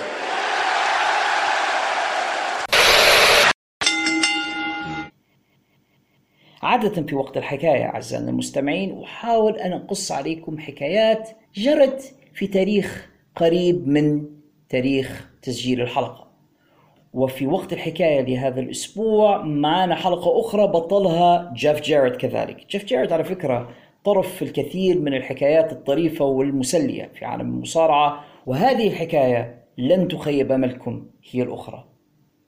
الحكاية التي سوف أقص عليكم اليوم هي حكاية The Daytona Screw Job أنتوا تعرفوا The Montreal Screw Job وحكيت لكم مرة عن The Cleveland Screw Job اللي كان بطلها أيضا جيف جاريت هذه المرة The Daytona Screw Job التي حصلت في Bash at the Beach 2000 طرفا هذه الحكاية هما جيف جاريت and هولك هوجن خلينا نشوفوا مع بعضنا شن صار في Bash at the Beach 2000 في المباراة اللي كان يفترض أن تقام ما بين هولك هوجن وجيف جاريت في ذاك الوقت كان جيف جاريت هو the chosen one في اتحاد WCW وكان قلب الدنيا على رأسه.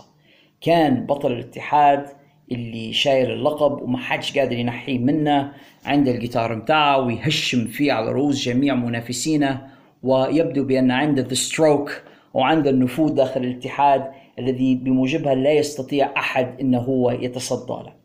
في ذلك الوقت كان هولك هوجن مبتعد قليلا عن الأحداث وبدأ كما لو أن هولك هوجن يقوم أو يزمع القيام ب comeback إلى عالم المصارعة.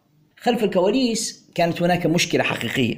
كان مدير الاتحاد في ذلك الوقت هو فينس روسو المعجب تماما بجيف جاريت وبالمصارعين الشبان في اتحاد WCW.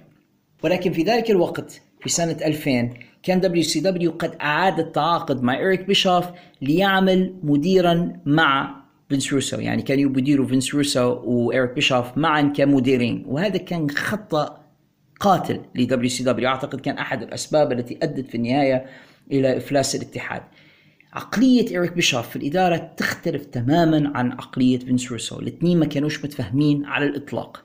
إريك بيشوف المعجب بالمصارعين الكبار في السن واللي ماشي مع ال established stars ويحاول تقليد WWE في كل كبيرة وصغيرة يقومون بها. في الوقت اللي فينس روسو زي ما اسلفت كان يحب المصارعين الشبان وكان يحاول إنه يدير شيء مختلف.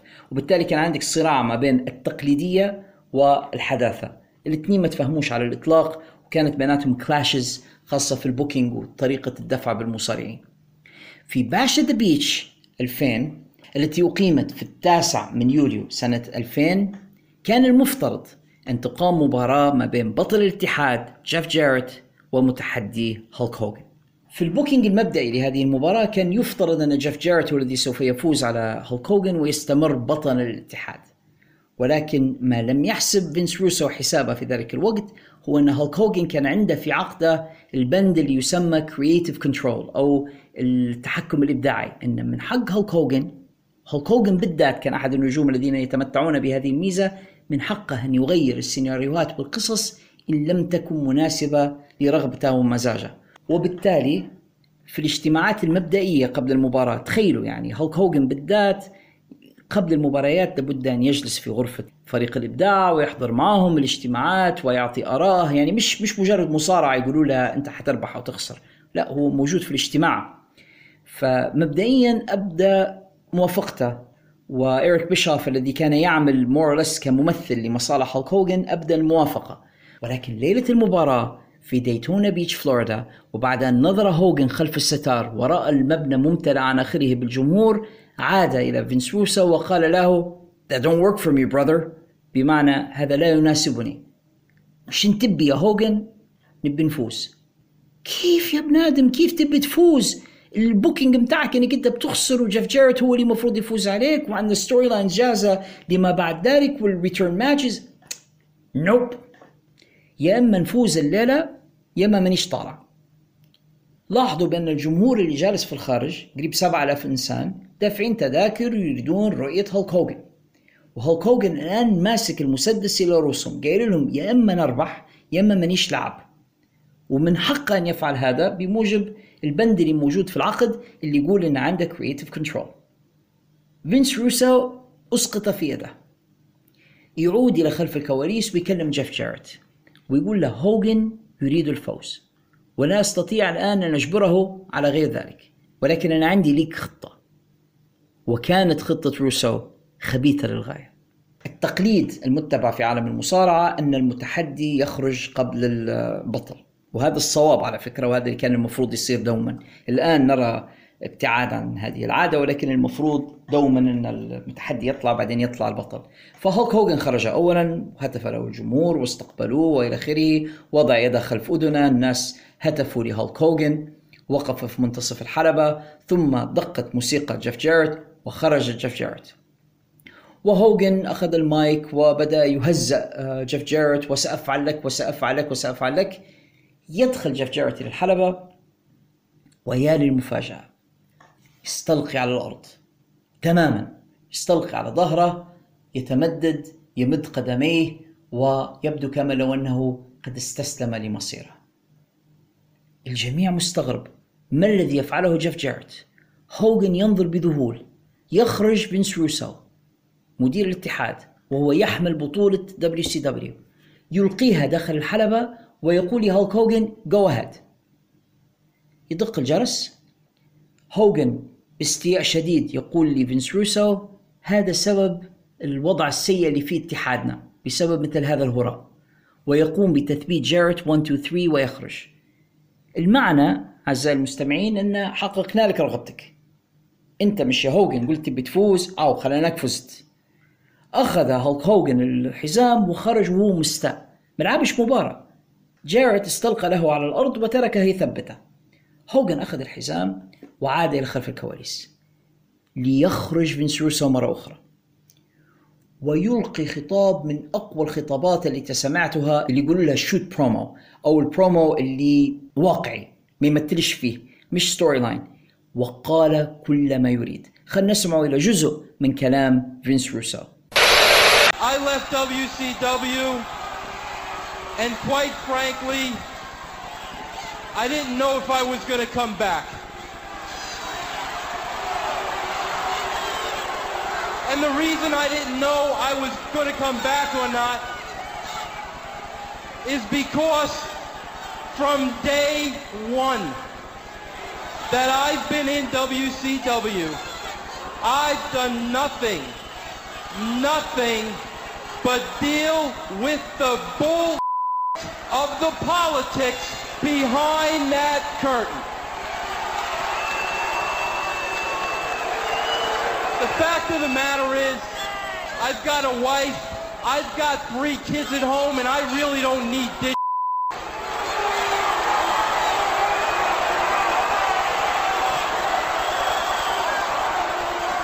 But let me tell you the reason why I did come back. I came back for every one of the guys in that locker room that week in, week out, bust their ass for WCW. I came back for the Booker T's.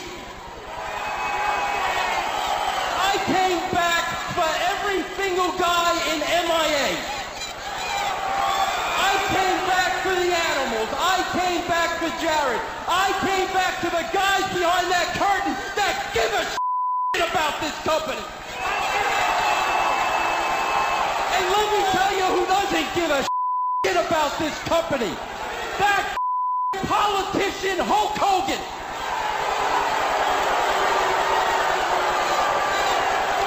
Because let me tell you people what happened out here in this ring tonight. All day long I'm playing politics with Hulk Hogan because Hulk Hogan tonight wants to play his creative control card. And to Hulk Hogan, that meant that tonight in the middle of this ring, when he knew it was bullshit, he beats Jeff Jarrett. Well, guess what? Hogan got his wish. Hogan got his belt and he went the hell home. And I promise everybody or else I'll go in the grave. You will never see that piece of shit again. Amen. But I also, I sat out there with the people just like you.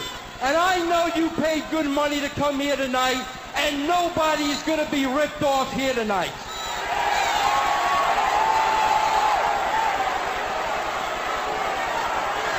So Hulk Hogan now has the WCW belt.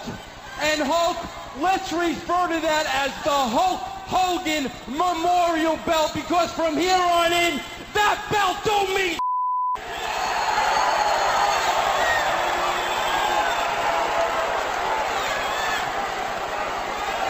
because there will be a new WCW belt and as far as I'm concerned, that belt still belongs to the one guy that busts his week in and week out in the middle of this ring.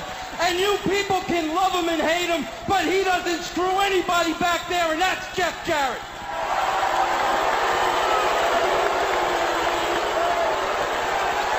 Now hold on a minute. Jeff Jarrett is still the official WCW champion, but he will defend that title in this ring tonight.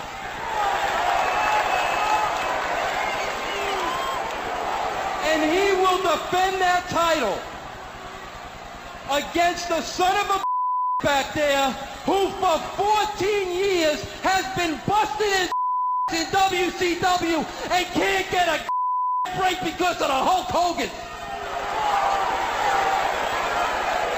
And I'm talking about Booker T.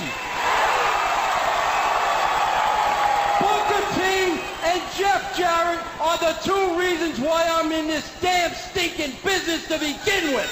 So tonight in this ring for the WCW title, two deserving guys, Jarrett and Booker, will compete for the WCW and they'll tear this out down. And Hogan, you big bald son of a kiss my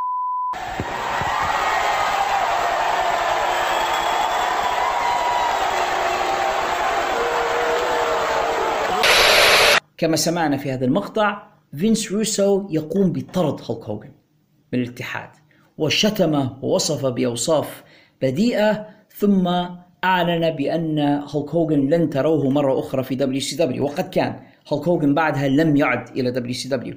ودبليو سي دبليو لم يعترفوا بهذا الفوز. يعني هذا الفوز لم يدخل في سجلات التاريخ ولم يعترف به. هوجن أخذ الحزام وغادر به ويقال أنه إلى يومنا هذا محتفظ بهذا الحزام على جداره في منزله في فلوريدا ولكنه غير معترف به. وفينس روسو أعلن بأنهم سوف يقيمون مباراة أخرى لبطولة العالم حيث سيدافع بطل العالم جيف جيرت عن لقبه أمام متحدي جدير بالبطولة هو بوكر تي. الآن في سؤال قد يلقيه البعض علي هو ماذا عن الحزام؟ يعني ظهر حزامان WCW في تلك الليلة.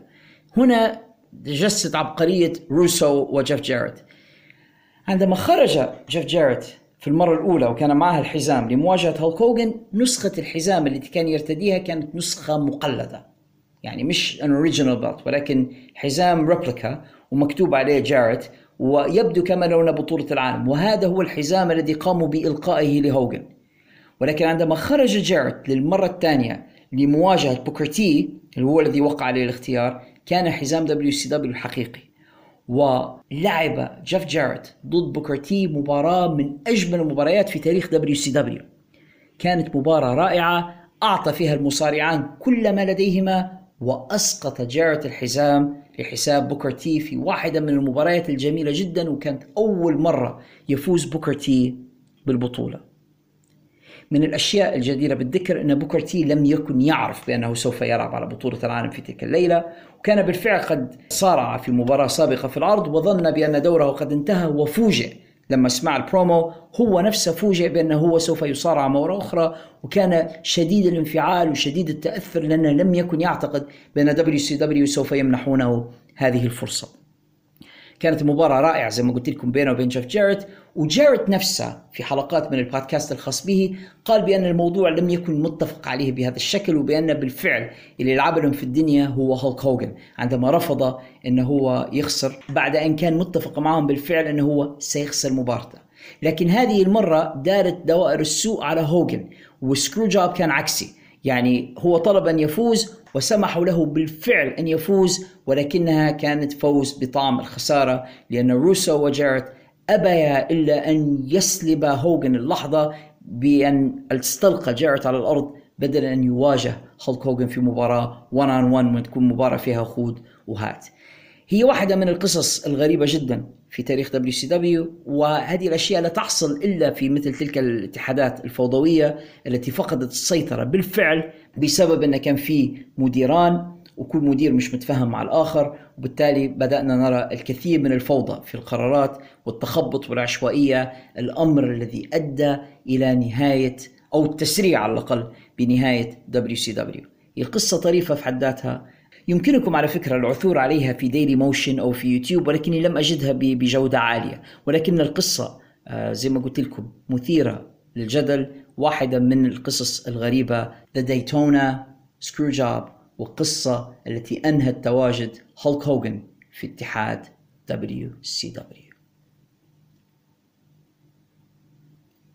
قبل ما ننهي حلقة هذا الأسبوع نبي نديروا طلة على حقيبة الرسائل ويبدو بأن الغالبية جمهورنا كانوا لاهين مع الشواء واللحم ولم يكونوا فاضيين أنهم هم يلقوا علينا الأسئلة. في المنشور اللي ندير فيه عادة قبل كل حلقة ونطلب فيها الأسئلة من الجمهور وبالتالي لم تكن لدينا الكثير من الأسئلة ما عدا من واحد من أكبر مشجعينا ومستمعينا صديقنا حسين عبد الله الذي ألقى علي سؤالين وبعدين هناك سؤال طريف للغاية وردني على الخاص. أيضا سوف أقوم بالجواب عليه. خلينا نبدأ مع بطلنا حسين عبد الله الذي ألقى علي سؤالين اثنين. السؤال الأول عن تيدي هارت. بعد ما تكلمت عليه في الحلقة الماضية من البودكاست وحكيت عن العركة اللي صارت ما بينه وبين سي ام بانك حسين الآن يريد أن يعرف المزيد عن تيدي هارت من البداية إلى النهاية. شكرا يا حسين على السؤال وشكرا لك على وفائك واستمرارك معنا في كل الحلقات وأنت بالفعل واحد من الداعمين الكبار لهذا البودكاست. بالنسبة لتيدي هارت يا حسين صدقني ما عندك ما تدير به. آه هو النموذج سيء جدا للمصارع وهو بالعكس يعني يعني نشوف فيه النموذج الذي يدرس للشباب إنكم تشوفوا شنو هي الأخطاء اللي ما ترتكبوهاش. يعني نشوفوا شن دار ونديروا عكسه لأن تيدي هارت هو نموذج لنجم توفرت له جميع أسباب النجاح لكنه أصر أن يفشل. من عائلة مشهورة عائلة ذا هارتس تربى وسط واحدة من أفضل عائلات المصارعة ولكن بدل أن يعلمه ذلك العصامية والاعتماد على الذات بالعكس أصبح اتكاليا مغرورا. آه، يرى بأنه هو عنده أحقية في النجومية أكثر من غيره من المصارعين. دفعه ذلك إلى أنه هو يتكبر على الآخرين. وعندما لم يتحصل على ما يريده يعني آه، أصبحت لديه سلوكيات سيئة للغاية وعدوانية. بعد أن تعلم المصارعة التحق صدق ولا لا بالدبليو دبليو إي ولكن دبليو دبليو قاموا بطرده بسرعة بسبب سوء سلوكه. هو عموما ما صارش في التلفزيون ظهر في بعض المباريات غير المتلفزة وبسبب سوء سلوكه وغروره خلف الكواليس قام الاتحاد باستبعاده التحق برينج اوف هونر وحصلت المشكلة اللي حكيتها لكم. ظهر في بعض العروض لتياني أيضا مدار الشخير آه، توقف عن المصارعة لبعض الوقت ثم ذهب إلى المكسيك. standards في المكسيك منخفضة ما يطلبوش في الكثير فقدر ينجح في المكسيك إلى حد ما. حاول أن يعود إلى الولايات المتحدة أيضا ما قدرش يتخلص من سلوكياتها السيئة. التحق باتحاد ام ال دبليو وبرغم موهبته الكبيرة يا حسين وبرغم قدراته العالية جدا كرسلر داخل الحلبة ولكن سوء سلوكه وإدمانه للمخدرات وللكحول كان دائما سببا في طرده من الأماكن اللي هو فيها وتعرض لمشاكل حتى مع القانون. دخل السجن فيما فات مرتين بسبب حيازة المواد الممنوعة وبسبب حوادث اعتداء. وآخر أخبارنا عن تيدي هارت إنه الآن حاليا يقضي فترة عقوبة في السجن بتهمة حيازة مخدرات بتهمة اختطاف امرأة يبدو أن كانت في امرأة على علاقة به آه، وكانت تبي تتخلص من هذه العلاقة فقام باحتجازها وطفلها في المنزل. الأدهى والأمر أن الطفل من ذوي الاحتياجات الخاصة وبأنها اعتدى عليهما بالضرب. يعني تخيلوا اختطاف طفل من ذوي الاحتياجات الخاصة وأمه واحتجازهم قسريا رغم رغبتهما وحيازة مخدرات. أخيرا لما موضوع وصل للبوليس في ولاية تكساس تم حبسه واحتجازه من شهر اثنين الماضي وما زال محبوس وشخصيا أنا أتمنى ألا يخرج من سجنه حتى يتعلم درسا قاسيا من هذه الأخطاء ومن هذه المصائب التي يقوم بها. سألتني عن موقفه من بريت وموقف بريت منه. هو لا يحب خاله بريت اطلاقا. أنا سامع على ال shoot interviews يتكلم عن بريت بطريقة سيئة للغاية. ينتقد بريت هارت يصفه بأنه جبان يصفه بأنه منافق. لأنه عاد للدبليو دبليو اي أو تصالح معهم آه، يقول بأن بريت آه، ليس مثل بقية العائلة. آه، لابد أن ندرك بأن هناك مشكلة داخل عائلة هارت بعد وفاة اوين بعض أفراد العائلة كانوا راغبين في الحصول على التعويض من دبليو دبليو اي وأفراد آخرون من العائلة كانوا ضد ذلك ويريدون رفع القضية للنهاية يعني لين يشوفوا ماكمان في السجن. بريت كان من الطرف الثاني. بريت كان يريد أن يعاقب فينس ماكمان والدة تيدي اللي هي جورجيا هارت كانت من المعسكر اللي هو راغب في قبض التعويض. وبالتالي أصبحت في قطيعه داخل عائلة هارت وأم تيدي اللي هي أخت بريت هارت ما عادش تكلم فيه فهو واخد صف أمه وهو جاي ضد خاله. يعني حاجة هجينة للغاية. فحتى في ال shoot interviews هو يتكلم عن بريت بطريقة سيئة وقليلة أدب. يعني لما تسمع يتكلم على بريت يعني ما يقولش عليه حتى خالي يقول عليه بريت حاف وينتقد فيه ويتكلم عليه كما لو إنه مصارع آخر وبكثير من التحقير وكثير من من قلة القيمة يعني عندما يتكلم عن بريت هارت. يعني أقلها تفكر في واحد من ال shoot interviews قال بأن بريت لو كان يريد فكان بإمكانه إنه هو يفتتح اتحاد مصارعة في كندا ولماذا لم يفعل؟ بالخبرة اللي عنده وبالفلوس اللي عنده. لكن بريت كسول وبريت بخيل وبريت يريد أن يجلس في البيت ويعد نقوده خلاص في مناسبة أخرى تيدي هارت شكك حتى في إصابة بريت بالارتجاج عندما ركله بيل جولدبرغ قال تيدي هارت بأنني شهدت بريت يتعرض إلى ركلات أقوى من هذه ولم يصبه شيء. لماذا هذه الركلة بالذات هي التي يدعي بأنها أصيب بسببها بالارتجاج؟ وكان يشكك ويقول بأن بريت يكذب. فتيدي هارت وبريت هارت آه، مش متفاهمين. بريت في الطرف المقابل لم أسمع له تصريحات عن تيدي. عمري سمعته يتكلم عن تيدي هارت. ربما تكلم بس أنا لم يعني لم أقع على أي تصريحات له يتكلم عن تيدي ولكن أستطيع أن أقول لك شيئا واحدا. بريت هارت صديق حميم جدا لسي ام بانك اللي هو ضارب تيدي هارت وفي بيناته معركة وأعتقد أن هذا يقول لك كل شيء. إذا كان بريت متصالح مع سي إم بانك ويراه صديق ووصفه بأنه هو أفضل مصارع في العالم اليوم أعتقد أن هذا يقول لك كل حاجة. هو يحب الشاب الذي ضرب ابن أخته. فأعتقد أن هذا يقول لك شو الموقف من ابن أخته. هذا بالنسبة لسؤالك الأول يا صديقي حسين عن تيدي هارت. سؤالك الثاني عن فيلم Wrestling with Shadows اللي تكلم فيه بريت هارت عن رغبته في شبابه بأنه هو يلتحق بفريق كندا الأولمبي وقلت بأنك أنت ما فهمتش الكلام تماما بسبب ضعف لغتك الإنجليزية. لا لا لغتك الإنجليزية كويسة يا حسين وأنت فهمت آه، المعنى الذي كان يتكلم عنه بريت هارت.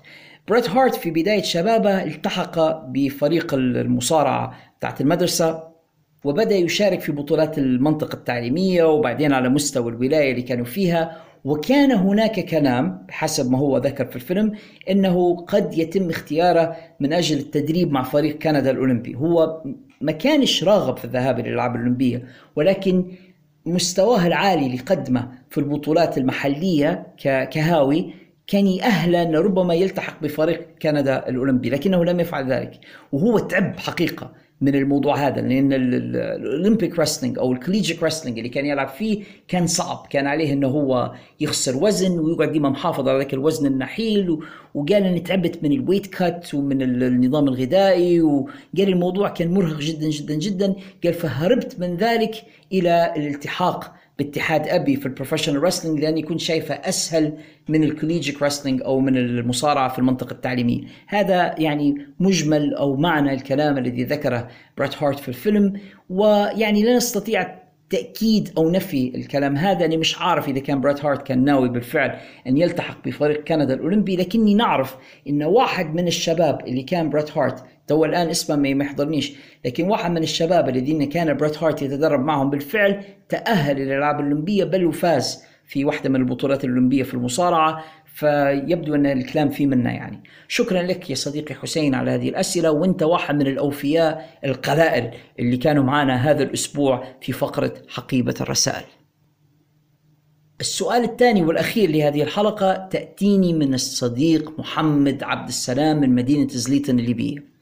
ومحمد أرسل لي السؤال على الخاص قال ما نحبش نسأل في في المنتديات أو الصفحات العامة لأسباب خاصة به هو. لكن سؤاله طريف للغاية. محمد يسألني بصفتي أنا يعني مشاهد مصارعة قديم وشاهد المصارعة من السبعينات. ما هي المباريات الثلاثة التي رأيتها في تاريخ المصارعة على أنها مباريات مثالية أو مباريات نموذجية؟ أول حاجة شكرا لك يا صديقي محمد عبد السلام على هذا السؤال المميز وهي من الأسئلة اللي كنت نتمنى أن نعطيها وقت طويل ولكن الحلقة هذه يعني طالت بما فيه الكفاية فما بيش نطولها أكثر وإلا أستطيع أن أتكلم كثيرا عن مبارياتي المفضلة في تاريخ مصارعة المحترفين. أنت صعبت علي شوية لأن أعطيتني ثلاثة مباريات فقط أستطيع أن أتكلم عنها وإلا أنا كنت نحب أن يكونوا مثلا top five أو حتى top 10 لكن top 3 أو أفضل ثلاثة ضيقت علي شوية.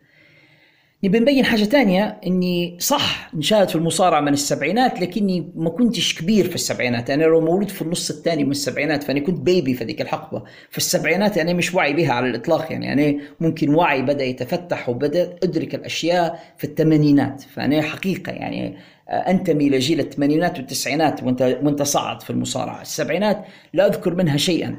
وحتى لما رجعت يعني شفت مباريات قديمة وكذا يعني وليت شفت في اليوتيوب أو أو في بعض الأفلام الوثائقية لم تعجبني مباريات السبعينات كثيرا. أنا لا أنكر أن هناك نجوم وكانت هناك ظواهر في تاريخ المصارعة في تلك الفترة لكن مستوى المباريات في ذاك الوقت ليس مثل المباريات التي أتت فيما بعد. فأنا لنجيب عن سؤالك عن أفضل ثلاث مباريات حنختار أفضل مباراة شفتها من الثمانينات أفضل مباراة شفتها من التسعينات ولأني عندي مباراة ثالثة أخيرة فسأختار أفضل مباراة شفتها من حقبة ال 2000 إلى 2020 فحنبدأ بالثمانينات. ونجم حقبة الثمانينات بدون منازع في نظري هو Nature Boy ريك فلير البعض سيقول هولك هوجن وهولك هوجن كان نجم كبير لكن ما كانش مصارع كويس. فما نقدرش بصراحة نختار مباريات لهولك هوجن ونعتبرها أفضل مباريات نشوفها. بريت هارت ما زال ما بداش يظهر على السطح في ذلك الوقت بشكل كبير. ريك فلير كان هو المسيطر بالفعل دخل الحلبات في الثمانينات فسأختار من مباريات ريك فلير. وريك فلير في الثمانينات أبدع كانت عنده العديد من المباريات الرائعة. ولكن أعتقد أن أفضل مباراة لريك فلير في الثمانينات مباراته مع ريكي the Dragon ستيمبوت في Chi-Town Rumble سنة 1989 هذا كان أحد العروض المقامة من اتحاد NWA بصراحة يا محمد والكلام للجميع من أفضل المباريات اللي نشوفها على الإطلاق. يعني لو تشوفها اليوم في سنة 2022 مش حتحسها تختلف عن المباريات اللي تشوفها من The Young Bucks اللي تشوفها من FTR اللي تشوفها من أي مصارعين تقنيين فنيين كبار. هذه أول مباراة يا محمد يعطيها ديف ميلتسر تقييم ستة من خمسة. مش بس خمسة نجمات لكن أعطاها ستة نجمات كاملة. ريكي ستيمبوت ريك فلير مباراة رائعة. خصمان متكافئان تماما متشابهان في الكثير من المزايا الفنية في الجسم في البنية في الأداء.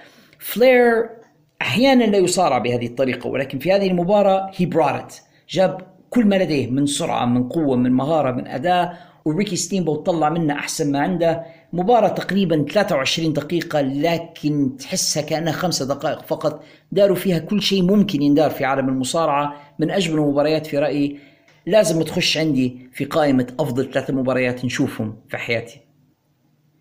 لما ننتقل للتسعينات رجل المرحلة بدون منازع هو بريت the Hitman هارت ما فيش مصارع كان أفضل منه في تلك المرحلة. بريت هارت بدأ يطلع بقوة في من سنة 92 وهو طالع لحد نهاية الحقبة. كانت التسعينات حقبة أو عقد بريت هارت وبريت هارت عنده مباريات كثيرة جدا رائعة. ولو بنسمي أفضل مباريات نشوفهم في حياتي ثلاثة أربعة منهم حيكونوا بريت هارت matches لكن لكي يكون في تنويع في هذه الإجابة فأنا حنختار مباراة واحدة بس من مباريات بريت هارت وأنا أعتقد بصراحة أن أجمل مباريات بريت هارت على الإطلاق مباراته مع The British Bulldog في SummerSlam 92 في ويمبلي stadium هذه المباراة لا يعلى عليها بصراحة من الصعب إنك تلقى مباراة أجمل منها. كل شيء ممكن يصير في عالم المصارعة صار في هذه المباراة. جميع أنواع الحركات ولما تشوف المكان الحدث الجمهور الخصم اللي يواجهه ودير في بالك إن ديفي بوي كان في حالة سيئة. ديفي بوي سميث خصم آه، بريت هارت. كان ناسي كل شيء كان لازم يديره في المباراة وبريت هو الذي قاده في هذه المباراة إلى واحدة من أجمل مبارياته وطلع منه تحفة فنية. 25 دقيقة وبعض الدقيقة خاضاها ضد بعض خسرها بريت هارت. ولكن يعتقد بأنه طلع منها كنجم أكبر ممن لما خش المباراة. واحدة من أجمل المباريات في تاريخ مصارعة المحترفين ويضعها الخبراء دوما ضمن the top 10 of all time. بالنسبة لي أنا هي أفضل مباراة في التسعينات والمباراة اللي صنعت حتى نجومية بريت هارت اللي انطلق منها إلى بطولة العالم. هذه حتكون المباراة الثانية عندي على القائمة. نجول المباراة الثالثة.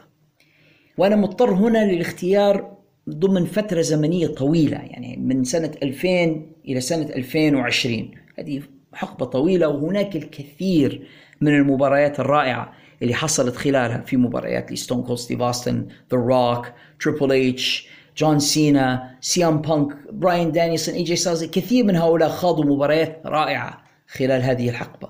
لكن المباراة اللي في رأيي اللي بالفعل يعني defined the era وغيرت وجه اللعبة بصفة عامة وخلت ناس كثيرة ما كانتش تتفرج على المصارعة ولا تتفرج على المصارعة وناس كانت متقاعدة أو مستقيلة من المصارعة. رجعوا للحلبات بسبب هذه المباراة. كاني أوميجا ضد كازوتشيكا أوكادا سنة 2017 في راسل كينجدم 11 بصراحة يعني حتى هي مباراة يصعب أن حد يقيمها بأقل من ستة من خمسة. قام فيها بكل شيء. كانت واحدة من أعظم المباريات اللي نشوفها. Very realistic أو حقيقية جدا قوية جدا.